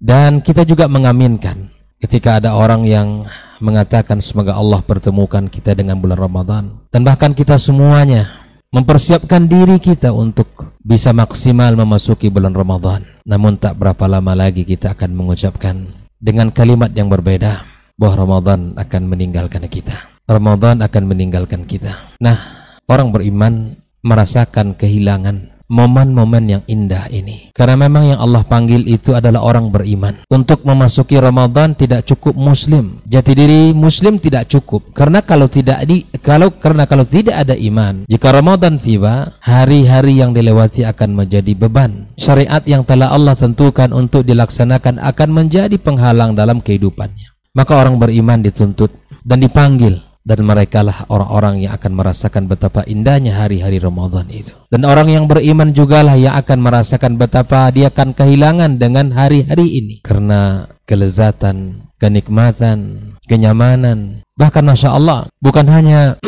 para pejuang kebaikan di bulan ini, bukan hanya membaca satu ayat, dua ayat, bahkan surat-surat pendek. Tidak. Bahkan satu juz dalam satu malam, dia layani dan bahkan itu dinikmati. Berjam-jam kita duduk di Ramadan ini dengan kitabullah tanpa kita merasakan kebosanan. Bahkan kita menikmati itu. Begitulah Ramadan mendidik kita. Betullah kata Utsman Ibn Affan radhiyallahu taala anhu, kesucian akan menemui kesuciannya. Hati yang suci akan menemui kalimat-kalimat Allah yang suci. Utsman mengatakan, "Lau tahurat qulubuna lama syabi'at min kalami rabbina." Bahwa yang berat itu bukanlah kerinduan, tapi yang berat itu membaca Al-Quranul Karim. Yang berat itu adalah membaca ayat-ayat Allah Subhanahu wa taala yang mana itu bisa dilakukan bagi hati-hati yang suci. Hari-hari itu akan berbeda. Dan kenikmatan membaca Al-Quran di Ramadan tiada duanya. Dan itu tidak kita rasakan di luar Ramadan. Bagaimana tidak akan kehilangan momen ini bagi orang-orang yang beriman. Ramadan mendidik kita bisa mengatur diri kita. Bagaimana kita bisa memaksimalkan usia kita. Di bulan Ramadan, bukan hanya dua rakaat, tiga rakaat, empat rakaat, bukan. bahkan belasan rakaat sudahlah dia mengawali qiyam di awal malam bahkan ditambah di akhir malamnya. Dia menikmati itu. Dia akan kehilangan momen indah ini. Mengucurkan air matanya. Menyungkurkan jidatnya di hadapan Allah Azza wa Jalla. Dan itu adalah momen-momen yang sangat luar biasa. Dan itu kita dididik oleh Ramadan Bahkan Ibnu Abbas radhiyallahu taala anhu menceritakan bagaimana Rasul sallallahu alaihi wasallam wa kana Nabi sallallahu alaihi wasallam ajwadun nas, orang yang paling dermawan. Dan kedermawan Rasulullah SAW itu melebihi di bulan Ramadan jika dibandingkan dengan bulan-bulan yang lain. Bahkan kaum muslimin kita menikmati berapapun uang yang kita keluarkan, kita menikmati tidak pernah menjadi terpikir. Secara zahir uang itu hilang. Berkurang dari kepemilikan kita. Berkurang dari rekening kita. Dengan mudah kita di malam-malam itu mentransfer. Dengan mudah kita mengisi kotak-kotak amal. Tanpa terasa diri kita ini Masya Allah mengalir kebaikan yang sangat banyak. Tangan kita memberikan kepada orang yang membutuhkan. Tangan kita menguatkan orang yang lemah. Tanpa sadar sangat mudah jiwa kita ini, sangat ringan tangan kita ini untuk melakukan kebaikan-kebaikan itu. Dan itu sangat berbeda di luar bulan Ramadan. Tentunya orang-orang beriman akan kehilangan momen-momen itu. Maka wajar seperti yang dilakukan oleh para as-salaf, apa yang diucapkan oleh Ali bin Abi Thalib, apa yang diucapkan oleh Ibnu Mas'ud radhiyallahu taala anhuma ketika di malam-malam akhir Ramadan. Bukan seperti kita gembiranya. Kita besok akan hari raya, memakai baju baru, memakai sepatu baru, celana baru dan seterusnya. Tetapi subhanallah apa yang ada pada mereka itu? Apa ungkapan mereka sama? Wa man hadzal maqbul fanuhanni. Wa man hadzal mahrum fanuhan fanu'azzihi. Masyaallah. Orang yang dijamin diterima amalnya oleh Allah, maka kita ucapkan selamat kepada Anda. Tapi orang yang diharamkan Allah Subhanahu wa taala dari kebaikan Ramadan, kita ucapkan belasungkawa kepadanya. Umar bin Abdul Aziz di hari raya Idul Fitri menangis. Mengingat bukankah uh, syariat Islam menyuruh kita untuk gembira di hari itu? Tapi inilah bedanya generasi salaf dengan kita. Kita euforia gembira di atas kegembiraan orang lain. Euforia di atas kemenangan orang lain waliyadzubillah kita sama-sama merasa diri kita menang tapi kemudian ternyata kita tidak termasuk kepada orang yang masuk kepada orang yang disebut dengan al-faizin. La haula wala quwata illa billah Ikhwani wa khotafidin hafidhukumullah wara'akum. Benar, kita puasa. Tapi apakah kita sudah mempuasakan anggota tubuh kita? Benar, kita sudah kiam. Tapi apakah, tapi berapa jumlahkah dari rakaat kiam kita yang kita laksanakan dengan penuh kehusuan? Benar kita telah tilawatul Quran, tapi kemudian manakah ayat yang sudah atau mungkin yang akan kita jadikan panduan yang akan kita segera praktekkan dalam kehidupan kita? Benar kita sudah berusaha menjaga pandangan, menjaga lisan, menjaga anggota tubuh kita, tapi siapa yang menjamin itu semua tidak akan pernah melenceng dari hal-hal yang diharapkan Allah Subhanahu wa taala. Maka Islam dengan rahmatan lil alamin, Allah yang Maha Rahman dan Rahim tidak membiarkan kita, tidak membiarkan kita tidak sempurna di dalam amal ini.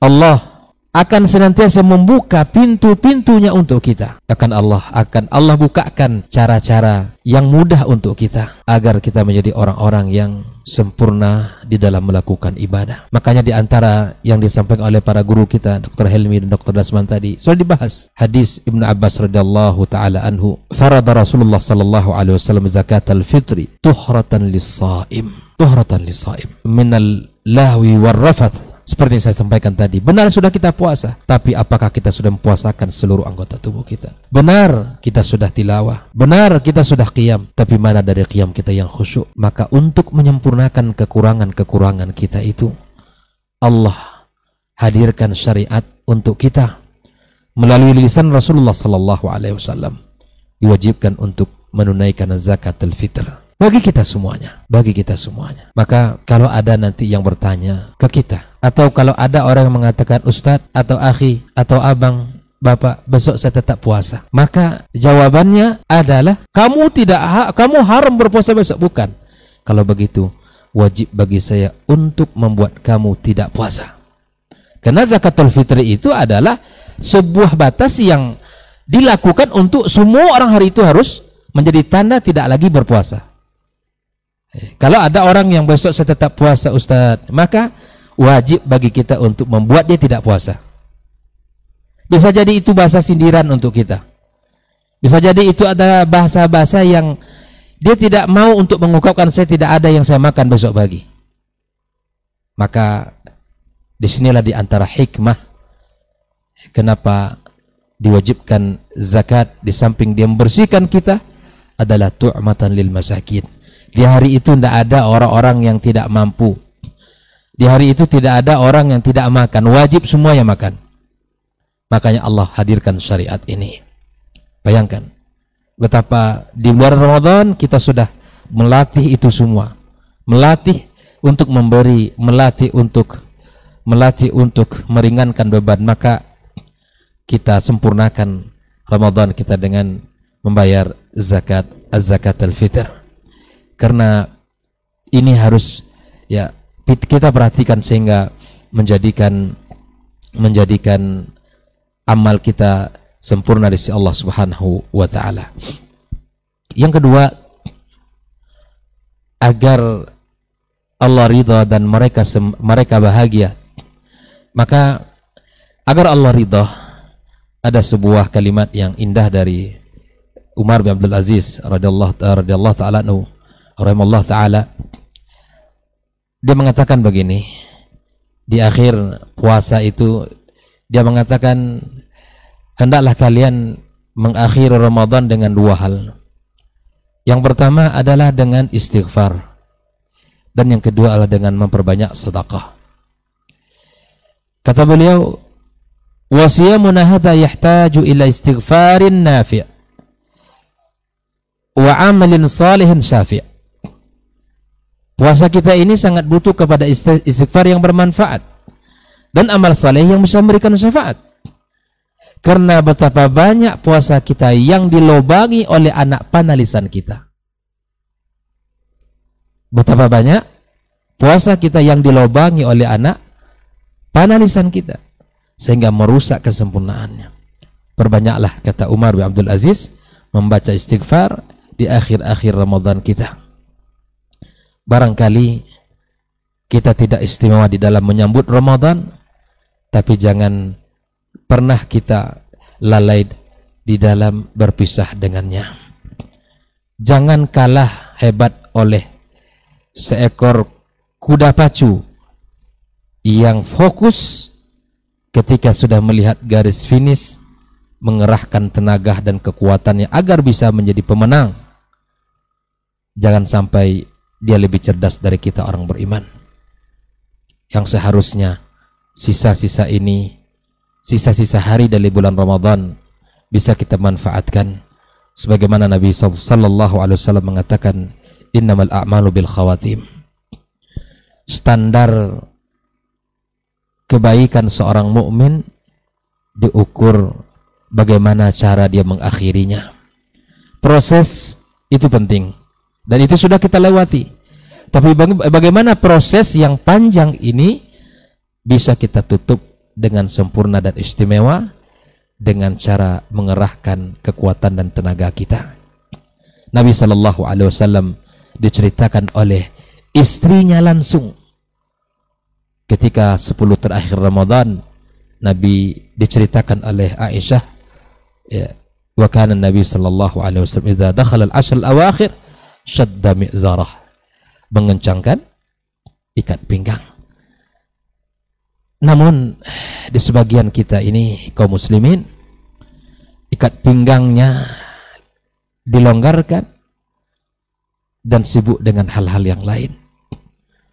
Yang awalnya rumah Allah menjadi tempat yang paling ramai tapi di 10 terakhir Ramadan berpindah keramaian kepada tempat yang paling dibenci Allah Subhanahu wa taala sibuk dengan pernak-pernik lebaran. Dan kemudian Nabi Shallallahu Alaihi Wasallam di sebelum terakhir tidak hanya untuk ibadah untuk dirinya, tetapi Nabi Shallallahu Alaihi Wasallam juga beribadah mengingatkan anak dan keluarganya. Datang ke rumah Ali, datang ke rumah Fatimah, ala tuku ala takumani fatusalliyan tidakkah kalian bangun untuk melaksanakan salat para ikhwah semua untuk mengamalkan hadis ini kalau kita punya anak punya menantu yang berbeda tempat tinggal dengan kita maka di saat-saat 10 terakhir Ramadan ini telepon mereka. Kalau tidak bisa dijenguk ketok pintu seperti Nabi ngetok pintu Ali paling tidak ditelepon. Bangun nak sholat. Bangunkan istrinya. Kalau ada anaknya yang merantau mungkin kerja mungkin kuliah telepon. Sebagai bentuk pengamalan hadis Nabi Sallallahu Alaihi Wasallam. Nabi membangunkan keluarganya wa ikhadha ahlah membangunkan keluarganya. Dan Nabi bersungguh-sungguh di dalam mengakhiri Ramadan. Bahkan Aisyah menceritakan di 20 Ramadan awal Nabi menggabungkan antara tidur dan puasa dengan qiyam. Tapi di 10 terakhir Nabi Sallallahu Alaihi Wasallam menceraikan tidurnya. Menceraikan tidurnya. Namun para ulama mengatakan ada tiga bentuk ya paling tidak. Pertama kita di akhir 10 terakhir ini kalau tidak bisa seperti Nabi Shallallahu Alaihi Wasallam yang menghidupkan dari maghrib sampai subuh dengan ibadah kepada Allah Subhanahu Wa Taala, ya paling tidak kita ya menghidupkan di awal malam dengan qiyam, kemudian kita istirahat sejenak, lalu kemudian kita bangun untuk menghidupkan di akhir malam dengan dengan qiyam. Jikalaupun tidak kita hidupkan di awal malam, ya kita berharap sisanya kebaikan dan keberkahan dari Allah Subhanahu wa taala. Mudah-mudahan Allah senantiasa membukakan kemudahan-kemudahan kita untuk menyempurnakan di 10 terakhir ini. Tersisa hitungan jari dan angka yang mudah-mudahan yang mudah-mudahan nanti kita senantiasa dekat dengannya. Yang hari-hari ini akan menentukan kita. Apakah kita termasuk orang-orang yang sukses mendapatkan kemenangan ataukah kita orang-orang yang diharamkan Allah wal billah. Man qama Lailatul Qadri imanan wa ihtisaban ghufira lahu ma taqaddama min dhanbi. Yang menghidupkan malam Ramadan, malam qiyam Lailatul Qadar dengan qiyam dan ibadah kepada Allah dengan iman kepadanya dan ihtisab kepada Allah Azza wa Jal maka Allah ampunkan dosanya dan ada sunnah yang sangat dianjurkan. Nabi mengajarkan kita untuk bisa bersama-sama di rumah Allah Azza wa Jal. Beriktikaf 10 hari. Nabi dan para sahabat mereka beriktikaf, duduk, meninggalkan dunia. Allah berikan dunia kepada mereka. Tapi kita ngurus dunia 24 jam Allah tak berikan dunia itu kepada kita. Kita putuskan kalau tidak bisa kita sempurna, paling tidak kita di malam hari kita bisa memutuskan hubungan kita dengan dunia ini. Dunia ini tak akan pernah habisnya. Dunia ini tak akan pernah selesainya. Dan keinginan kita juga tidak akan pernah habis dan berhenti. Nah, kita harus berusaha untuk menguatkan diri untuk senantiasa kembali kepada Allah Subhanahu wa taala. Dan Ramadan mengajarkan kita bagaimana kita harus bersikap dengan dunia. Saya teringat dengan kisahnya Ibnu Mas'ud radhiyallahu taala anhu. Di saat dia sakit menjelang kematian, dia menangis, bersedih sehingga pada saat seperti itu ada sahabat yang bertanya kepadanya, "Apakah orang yang seperti kamu ini masih pantas menangis untuk menjemput kematiannya?" Kata beliau, saya menangis bukan takut untuk mati. Tapi saya takut di saat kematian itu tiba, iman saya lagi turun. Iman saya lagi lagi kendor. Inilah imannya para sahabat. Imannya para generasi as-salafus saleh. Ramadan mengajarkan agar iman kita meningkat maka mari kita melaksanakan, mari kita isi, mari kita gunakan agar Ramadan kita menjadi Ramadan istimewa, Ramadan yang maksimal di sisi Allah Subhanahu wa taala. Wa sallallahu ala nabiyyina Muhammadin wa sallam wa subhanakallahumma bihamdik asyhadu an la ilaha illa anta astaghfiruka wa atubu ilaik. Wassalamualaikum warahmatullahi wabarakatuh. Waalaikumsalam warahmatullahi wabarakatuh. Taib, jazakallah khairan untuk materi kita di kesempatan pagi hari ini di episode ke-28 buat Allah ridho dan mereka bahagia. Taib, dari penjelasan guru-guru kita sudah cukup jelas dan mudah-mudahan saja ini bisa bermanfaat untuk kita semua. Kita masuk di sisa waktu untuk sesi tanya jawab atau pertanyaan yang bisa antum sampaikan atau antum kirimkan melalui layanan WhatsApp kita di 082174909911. Kita bacakan pertanyaan yang sudah masuk, kita coba jawab Ustaz. Assalamualaikum warahmatullahi wabarakatuh Ustaz. Ustaz terkait tema kita untuk pagi hari ini, ana lebih menilik kepada persoalan amil zakat Ustaz. Persoalan amil, amil zakat di negeri kita, apakah ada kriteria syar'i untuk menjadi seorang amil, sahkah amil dapat bagian dari zakat? Bolehkah orang umum menjadi amil zakat? Apakah ada amil zakat di zakat fitrah? Nah, ini banyak sekali pertanyaan Ustaz. Nah, fadal. Bismillah wassalatu wassalamu ala rasulillah wa ala alihi wa sahbihi wa mawala wa ba'du. Mohon izin kepada masyayikh untuk menjawab nanti disempurnakan oleh pakarnya. Apakah di memang ini tadi sebenarnya akan kita bahas saya berharap tadi Dr. Helmi masuk ke dalamnya, tapi ternyata saya juga uh, takut apa namanya menghindari. Pertama, zakat fitrah pada asalnya seperti yang kita sebutkan tadi berkali-kali diulang kembali oleh saya Helmi Sadayat bahwa ini sebenarnya nikmat untuk kita. Kesempatan bagi seorang yang berpuasa kalau misalnya kita hari-hari tidak sempat datang ke rumah orang miskin itu. Karena kesibukan kita atau tidak punya alasan kadang. Mana tahu di situ janda pula banyak yatimnya. Datang ke situ tanpa sebab lain pula kata orang. Misal. Nah, di hari ini kita punya kesempatan untuk datang mengantarkan zakat fitrah. Maka hukum asalnya masing-masing bayar zakat fitrahnya. Ini hukum asalnya. Karena dia zakatul badan. Bukan zakat mal. Zakat badan kita.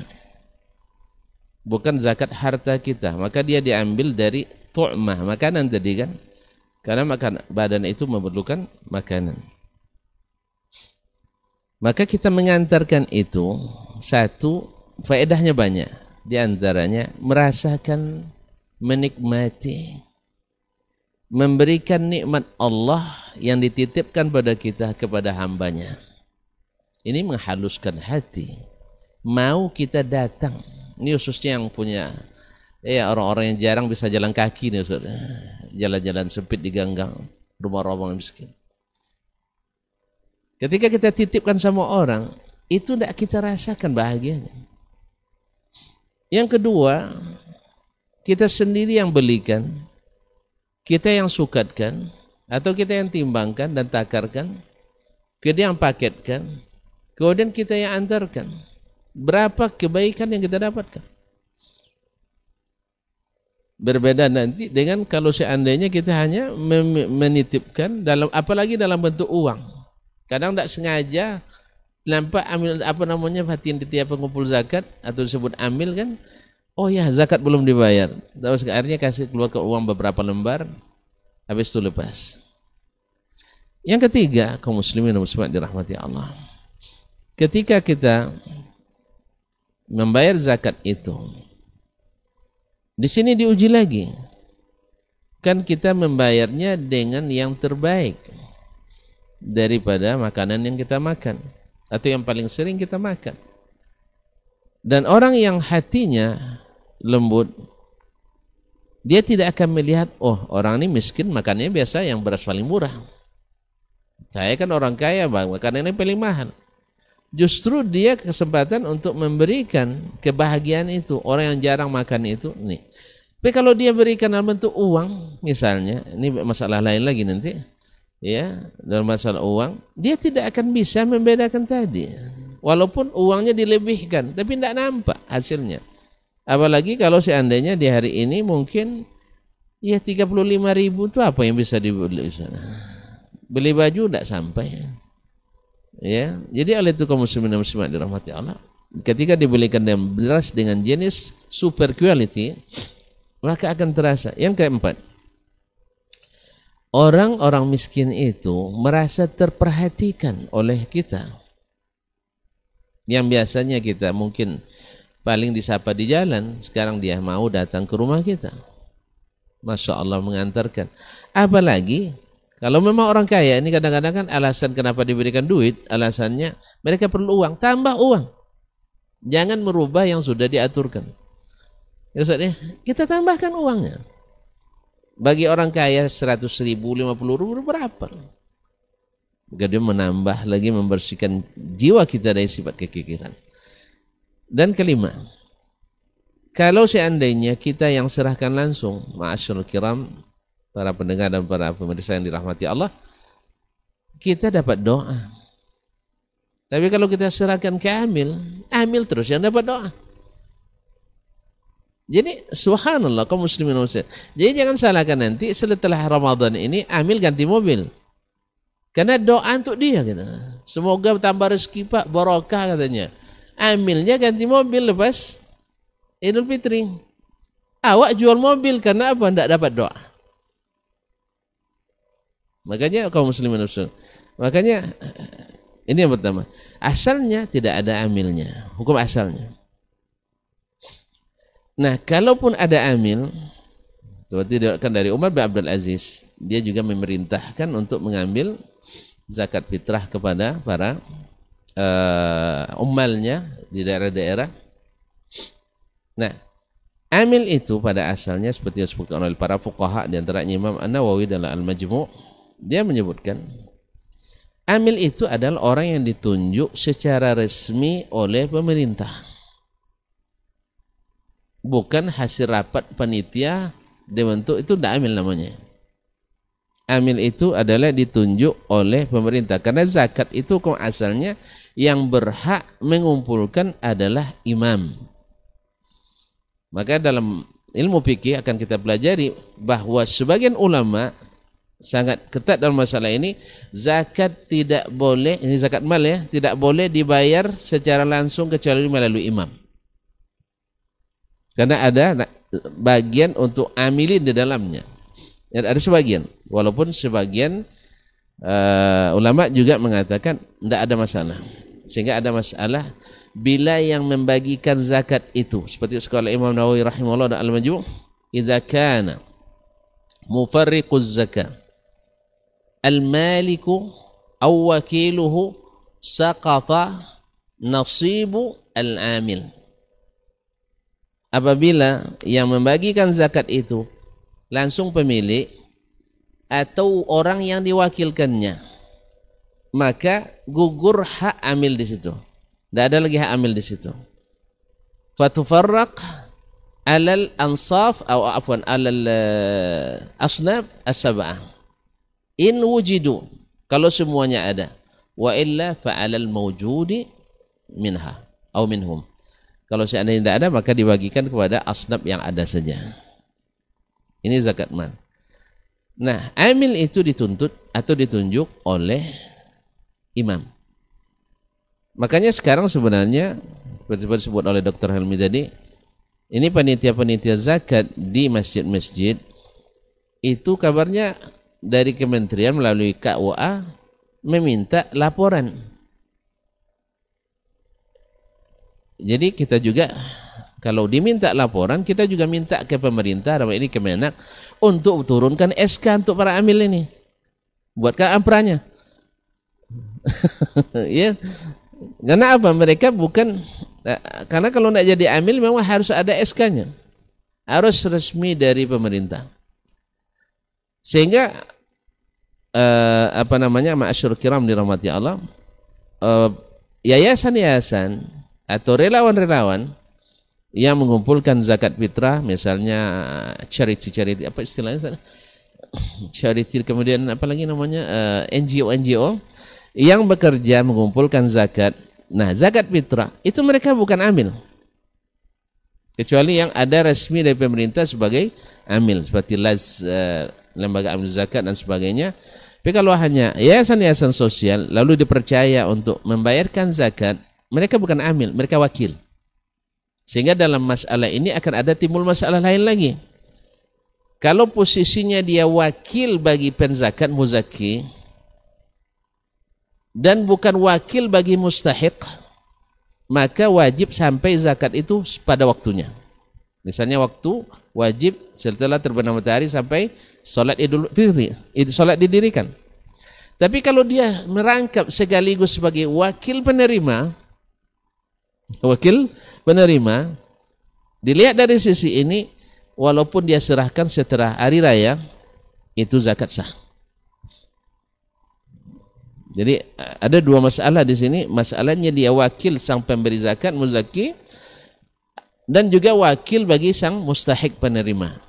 Maka bila dibayarkan setelah hari raya, kalau dia penerima, wakil penerima, nah, nah orang ini tidak boleh dapat ambil bagian daripada itu. Karena dia bukan amil, panitia atau wakil. Jadi pada hakikatnya sekarang ini, yang di masjid-masjid itu bukan ditunjuk oleh pemerintah, itu adalah wukala pada wakil. Yang mereka tidak punya hak dari zakat itu. Tidak ada haknya di zakat. Nah lalu di mana mereka kan capek. Yang pertama mohon maaf ini kalau bahasa vulgarnya ini bahasa tegas-tegas ya. Yang nyuruh capek siapa? Kan kita yang punya inisiatif untuk membuat panitia ambil zakat. Mengumpulkan zakat. Pada asalnya tidak ada, mohon maaf nih, mohon maaf nih, perintah syariat untuk ambil zakat fitrah tidak ada perintahnya yang setahu cepat yang saya ketahui. Bukan tidak boleh, yang salah paham. Tidak ada perintahnya untuk membentuk amil zakat fitrah. Itu yang saya ketahui. Kalau boleh, boleh tapi sebagai wakil. Nah, kalau seandainya kita sebagai wakil, wakil itu ada wakil yang sifatnya profit, ada non profit. Arti makan profit istilahnya sebenarnya wakil yang di makjur, mustajar, ada yang ujara, ada yang tidak. Ada yang muta'awinin yang bekerja sama, dia tidak mengharapkan apa-apa dari situ hanya membantu untuk mendistribusikan karena ada alasan sebagian harus menyamaratakan. Walaupun pada hakikatnya kadang-kadang juga tidak tercapai tapi lah supaya sama rata atau sama dapat. Kalau saya juga wallahu alam dalam masalah ini biarkanlah Allah yang membagi rezeki itu. Mana tahu yang miskin ini doanya kencang di bulan Ramadan sehingga hati orang cenderung ke rumah dia ngantar semuanya. Nah, kalau ada kita yang tahu bahwa ini tidak dapat, ya kita berikan. Jadi tidak ada ya setelah kewajiban menyamaratakan, tidak ada kewajiban. Tapi kalau seandainya ini dapat lebih, ini dapat itu tidak ada masalah. Justru kadang-kadang dengan menyamaratakan, justru nggak adil. Sebab apa? Ini miskin, anaknya lima. Ini miskin anaknya satu. Dapat juga sama bagiannya, lima paket atau uh, sepuluh paket dan sebagainya. Baik. Sebab itu maka Allah alam yang sekarang ini bukan ambil tapi adalah para wakil ya Nah kalau mereka mewakili boleh mereka minta upah. Kalau tidak bisa dengan tahun sifatnya sukarela ya bisa upah. Upah siapa yang nanggung? Nah, siapa yang nanggung upah? Nah, hukum asalnya ditanggung oleh pezakat. Karena yang ber, dia berkewajiban, hukum asalnya kan untuk membersihkan diri dia. Menghilangkan egonya tadi, menghilangkan rasa kes, apa segan, apa bahasa kita penyogan gitu ya, yang menghilangkan rasa malasnya. Karena itu harus tayyibatan bi nafsuna harus betul-betul hati ini bersih memberikannya. Bukan beban, itu nikmat tadi seperti kata saya Almi tadi. Nikmat yang Allah berikan. Berapa hari kita banyak kekurangannya ganti dengan satu sak. Masa ngantarkan itu kita tidak punya waktu. Jadi sebenarnya juga akan menekan ego kita untuk tidak mau datang ke rumah orang miskin. Karena sebagian subhanallah kaum muslimin ada kadang-kadang rasa dalam hati kita, eh saya masa datang ngantarkan ke rumah orang miskin. Ah, suruh si pulan aja lah, pembantu dan sebagainya. Nah. Ini juga zakat itu membersihkan kita dari sikap ego, sikap eh, apa namanya? angku dan sebagainya. Nah, kalau kita memang tidak sempat dan tidak mau mengambil manfaat daripada mengantarkan langsung tadi, kita wakilkan kepada para umala atau amil tadi, para amilin, sebenarnya adalah wakil wakala, wakil, kita bayarkan upah. Upahnya sesuai dengan kesepakatan dan insya Allah tidak akan banyak pula syaratnya dalam masalah ini. Atau kalau tidak ada upah yang dikeluarkan takut membebani muzakin karena muzakin tidak semuanya orang kaya memang. Ya karena miskin kan wajib juga tadi Ustaz ya. Nah, mungkin berlaku di sini subsidi silang.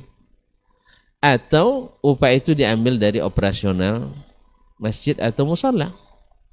Karena ini pekerjaan ditangani oleh pengurus musalla. Nah, makanya harus ada operasional. Jangan disatukan biaya infak wakaf pembangunan dengan wakaf operasional. Apalagi zakat dicampur aduk, jangan.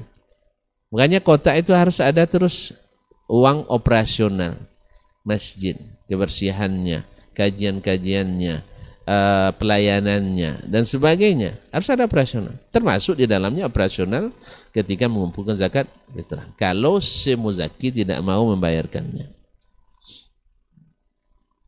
Jadi wallahu alam kalau ada mengatakan adakah bagian amil sini pertama dia tidak amil. Kecuali nanti ke mana sebagai mewakili pemerintah mengeskakan para pengurus itu karena minta laporan tadi Ustaz ya. Minta laporan harus dieskakan. Kalau tidak sebenarnya pemerintah tidak juga punya dasar untuk minta laporan. Apa dasarnya? Karena tidak ada penugasan. Dan kalau ada penugasan harus ada tambah air tambah tambah air tambah gula supaya nanti jangan diambil lagi uang apa uang zakat ini. nah, barangkali ini uh, tiga pertanyaan tadi ya. Dua sudah, yang ketiga sudah terjawab semuanya Alhamdulillah. Mungkin akan lebih sempurna oleh masyaikh. Terima kasih. Wassalamualaikum warahmatullahi wabarakatuh. Waalaikumsalam warahmatullahi wabarakatuh. Taib. Jazakallah khairan Ustaz. Ustaz ada tambahan enam Ustaz? Baik, bismillahirrahmanirrahim. Alhamdulillah wassalatu wassalamu ala Rasulillah wa ala alihi wa sahbihi wa mawala. Terima kasih atas pertanyaannya dan alhamdulillah tadi saya kira sudah panjang lebar disampaikan oleh guru kita terkait dengan apa yang memang selama di akhir-akhir Ramadan ini selalu muncul pertanyaan itu. Tapi saya ingin menyoroti redaksi pertanyaan yang tadi itu, apakah amil zakat boleh diberikan jatah? Kalau itu pertanyaannya ya boleh, karena dia amil. Wal amilina alaiha. Cuma persoalannya sekarang yang amil itu siapa? Nah, jadi menundukkan siapakah yang amil. Kalau biasanya amil itu untuk zakatul mal, zakat harta yang memang ditunjuk secara resmi dulu Rasul itu mengutus utusan-utusannya untuk memungut zakat itu. Kurma mau panen itu diutus mereka untuk menghitung-hitung berapa kilo. Bawa nanti ke ke Madinah hasil zakatnya. Jadi resmi dia kan. Kaya pun dia amil itu berhak dia mendapat karena kerjanya. Jadi kaya dia karena kerjanya dia berhak untuk mendapatkan. Hanya saja pertanyaan yang muncul itu adalah apakah panitia-panitia pemungut zakat fitrah yang ada di masjid itu sebagai amil atau tidak? Uh, secara substansi ada beda. Amil itu punya tanggung jawab dan konsekuensi. Dan itu tidak ada pada pemungut zakat itu, pada pada petugas Contohnya begini. Seandainya muzaki itu sudah menyerahkan kepada amil, amil yang sah, sah disebut sebagai amil cara syar'i, sudah sampai ke tangan amil. Berarti kewajiban muzaki sudah selesai. Seandainya harta itu hilang di jalan, si muzaki dia sudah tidak ada urusan. Karena dia sudah membayar zakat. Ini tidak ada nih pada pemungut zakat. Seandainya umpamanya kita sudah serahkan ke masjid. Sehari menjelang lebaran, dicuri semua beras itu oleh maling. Kita wajib bayar zakat fitrah kita. Karena belum lunas. Jadi nggak gugur kewajiban kita ketika kita serahkan kepada panitia. Berarti dia bukan amil kalau begitu. Nah oleh karena itu memang menyebut mereka sebagai amil dalam artian syar'i yang mendapatkan bagian kayaknya memang agak agak sulit dan perlu berhati-hati gitu. Cuma pada kenyataannya memang kalau seandainya yang amil resmi itu adalah ada penugasannya biar dia dianggap sebagai sah. Secara fakta memang saya sebagai ketua masjid juga itu dalam setiap tahun dapat surat itu.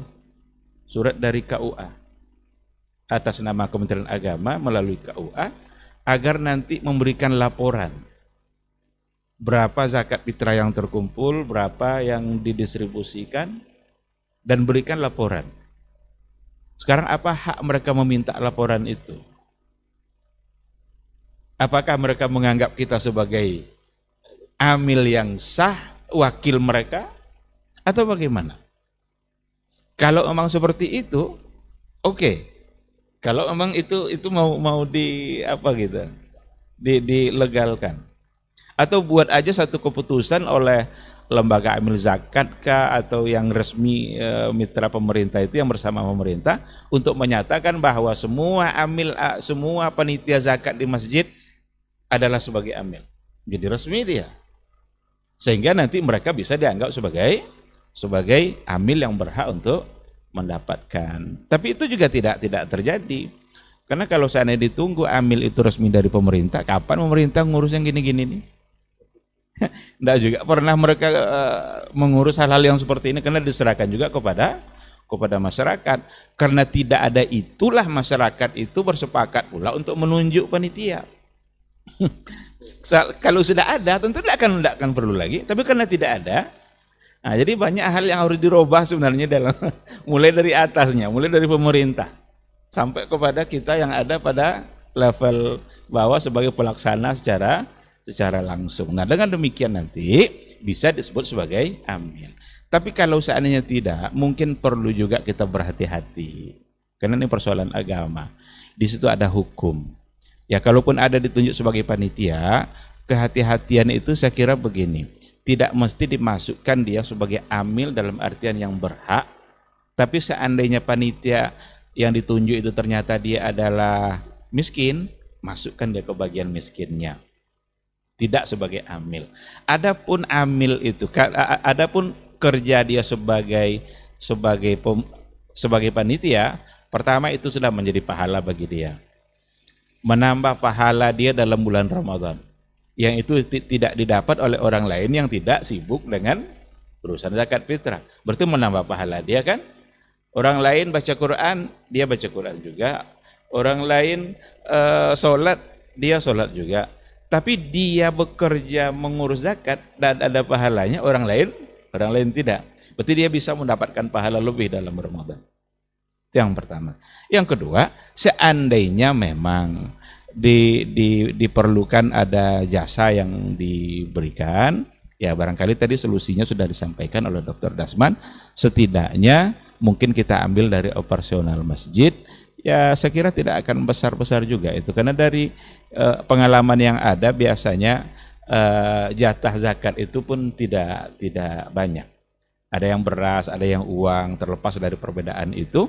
Uh, tetapi ada nanti sedikit diberikan untuk untuk panitia sekarang mungkin untuk kehati-hatian kita agar murni zakat itu tidak salah arah atau tidak salah tempat membagi, maka mungkin eh, anggap saja panitia itu tidak menjadi amil, tapi kalau seandainya ingin diberikan eh, jasanya barangkali diambil dari dari kas-kas yang lain. Oh, berapa ratus ribu, mungkin dua ratus atau tiga ratus ribu, ya mudah-mudahan itu bisa eh, menjadi apa namanya eh, cara untuk membalas jasa yang waktu yang telah dia berikan untuk mengurus uh, zakat. Itu mungkin akan lebih selamat ketimbang kita langsung memasukkannya sebagai amil yang juga masih setengah-setengah tadi itu. Di satu sisi kita diminta laporannya kepada uh, eh, KUA, di sisi lain kita tidak punya perintah langsung untuk memungut atau menjadi uh, amil dalam persoalan zakat. Ini mungkin yang ingin saya soroti wallahu subhanahu wa taala alam. Baik, jazakallah khairan Ustaz untuk uh, jawabannya. Ustaz ada tambahan? Nah.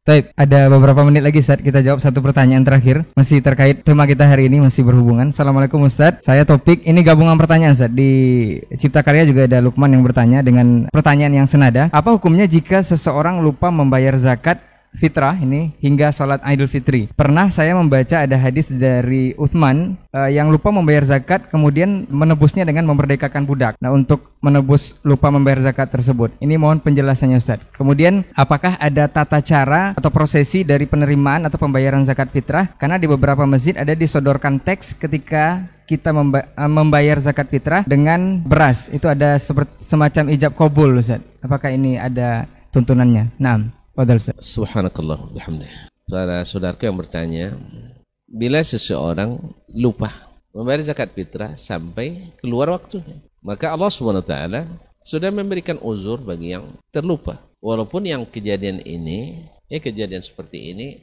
termasuk kejadian yang ganjil dan aneh syaz. Eh orang lupa atau tidak tahu, masuk di dalamnya tidak tahu. Inna Allah rafa'an ummati al-khata'a wa nisyan. Maka bila dia lupa dan teringat, bayar pada masa dia teringat tadi. Karena Rabbana la tu'akhizna in nasina wa akhtana. Qala Allah wajabat. Ya Allah jangan kamu beri kami dosa sesuatu yang kami lupa atau tersalah. Atau tadi misalnya masuk dalam yang disebutkan oleh Dr. Helmi tadi, Hafizullah, kita sudah serahkan ke Amin. Ternyata Amin lalai. Tidak dibayarkannya. Tahun depan, eh, eh bulan apa nanti Bazul Qadar, eh zakat bapak kemarin belum saya bayarkan katanya. bayarkan saat itu. Ya, karena waktunya adalah di saat dia teringat atau apa tadi. Uh, kemudian pertanyaan kedua nih saya Elvin yang jawab ada sirat atau tidak. Silakan Ustaz. Baik, Fadal Ustaz. Baik, bismillahirrahmanirrahim. Uh, terkadang banyak di antara kita ini yang mempersulit dirinya dalam beribadah. Mengikatnya dengan satu cara-cara tertentu sehingga kalau bukan dengan cara itu uh, nanti dianggap tidak sah.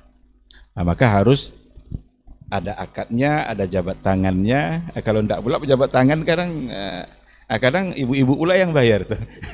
yang panitianya laki-laki ya. Karena akad jabat tangan, jabat tangan pula begini. Ini saya kira mempersulit diri dalam dalam beribadah.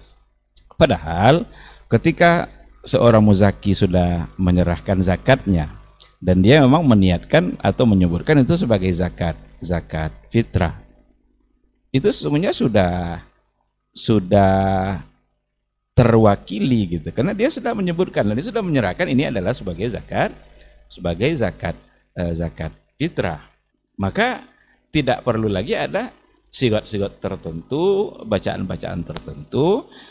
Yang menerima itu mendoakan yang memberi itu jelas. Umpamanya kalau dia memberikan kepada fakir miskin, nanti didoakanlah oleh fakir miskin itu yang menerima. Tadi orang yang memberikan zakat itu.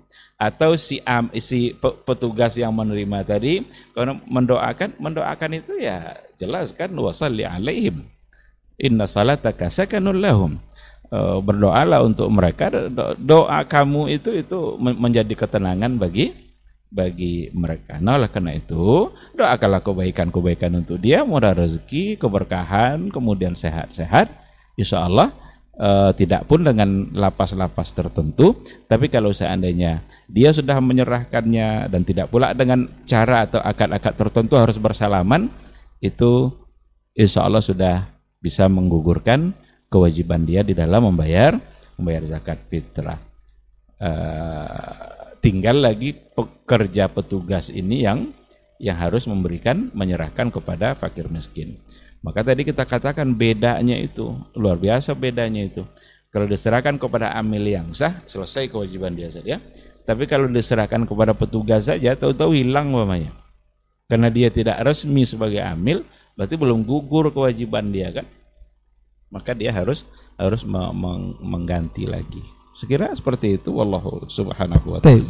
Jazakallah khair Ustaz. Nah, tambahan Ustaz. Uh, Bismillahirrahmanirrahim. Jadi memang agama kita ini subhanallah uh, mudah sebetulnya dalam pelaksanaannya ya. Jadi eh, mudah memang di atas agama yang benar, di atas panduan yang benar dan cara yang benar.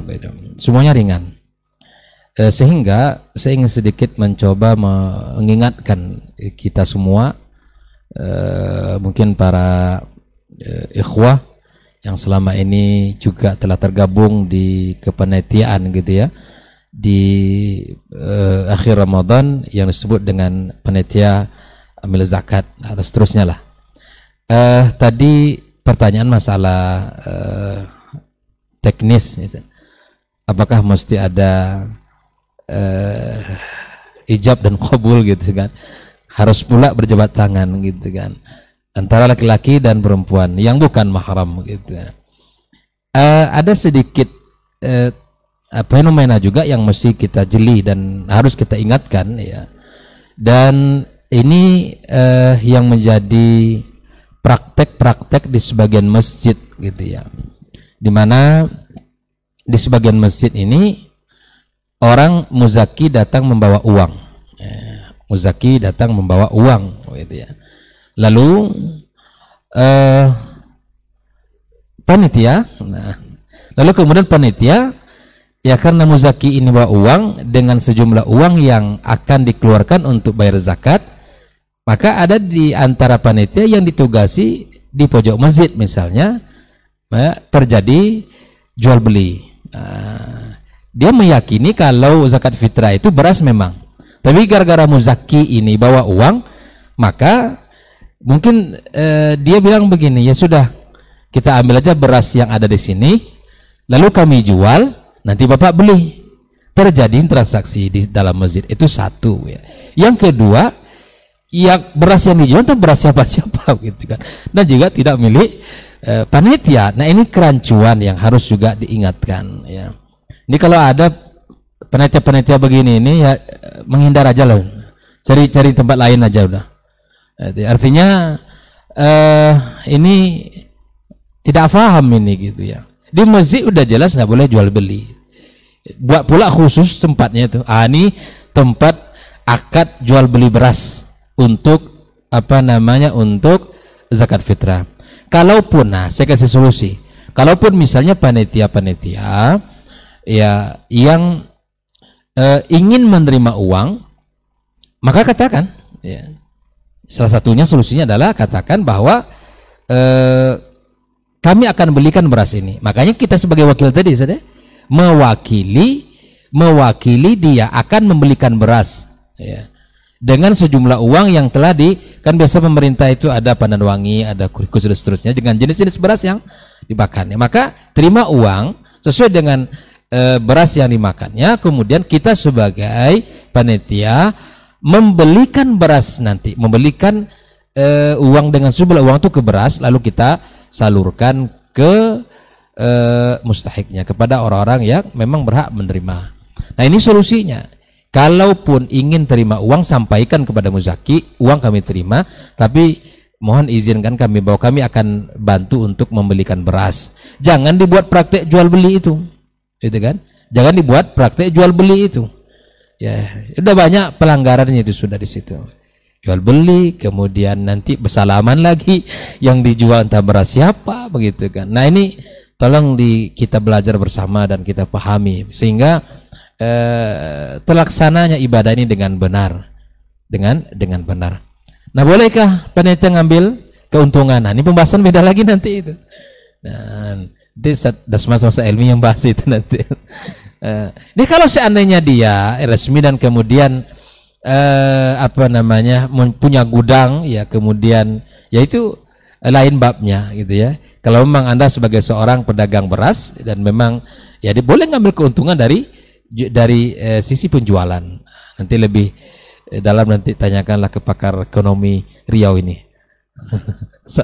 Sa Dr. Helmi Basri dan Dr. Dasman insyaallah oleh karenanya eh, saya ingatkan diri saya dan semua Eh, saudara-saudara kami yang tergabung di kepanitiaan zakat fitrah ini maka eh, sadarilah bahwa ini adalah syariat yang harus kita jaga karena setiap eh, pelaksanaan itu ada hukum yang berlaku dan setiap ada hukum ada konsekuensi yang kita akan eh, terima. Jangan sekali-kali kita bermudah-mudah di dalam beragama kemudian eh, kita anggap itu biasa saja fatal akibatnya makanya bertanya Allah katakan ya agar kita ini belajar dan terus belajar dan bertanya kepada ahli ilmu sehingga kita tidak salah kaprah tidak salah oh begini cara zaman-zaman dulu Ustaznya begini-begini ini harus kita hindari nih begini sejak kami di kampung ini ada masjid ini sejak berdiri beginilah prosesnya Nah, proses itu tuh tidak menjadi dalil gitu ya. Tidak menjadi tidak menjadi dalil. Ya. Dah? Dan tidak dirubah-rubah lagi. Nah, ini tolong pemikiran-pemikiran begini ini kita coba. Ya, kita coba untuk hindari dan kita belajar bersama. Kita bertanya kepada ahli ilmu, silakan bertanya kepada siapa pun. Ya, bertanya kepada yang kompeten di bidangnya sehingga memberikan jawaban dan dan biasanya insya Allah ada jawaban pastilah karena memang syariat itu lengkap ya Allah turunkan dengan sempurna dan telah disampaikan dengan sempurna oleh Nabi kita sallallahu alaihi wasallam. Oleh itu kepada seluruh teman-teman, saudara-saudara kami yang tergabung kepada kepenitian amil zakat, yang terkadang masalah amil-amil tadi itu antara mereka juga ada saling-saling gontok-gontokan. Nah ini, yang ketua sekian terima, yang anggota sekian pula terima. Padahal yang banyak kojo anggota katanya kan. Ah jadi di sini kita berkhidmat terhadap agama ini gitu ya, berkhidmat terhadap agama. Ada ketika diingatkan oleh salah seorang jamaah, nah, maka ada pula sebagian masjid yang uh, berkecil hati. Ya sudah, kami mundur semua jadi ambil zakat kata. Ya mundur saja bilang gitu kan. Uh, sekarang kaum, muslimin bayarkan zakat fitrahnya masing-masing. Kan ikut masalahnya begitu zakat. Ada itu masjid Dan saya pernah ditanyakan begitu. Gimana mereka mundur? Ya nggak apa-apa mundur saya bilang kan. Nah, itu lebih baik saya bilang daripada mereka kelahi di situ kemudian uh, dan diingatkan kepada yang benar nggak mau terkadang. Ini masalah masalah dalam uh, beragama gitu. Diingatkan. Oleh karena itu sekali lagi kita kedepankan uh, at-tadhiyah ya. Kedepankan khidmat terhadap agama ini.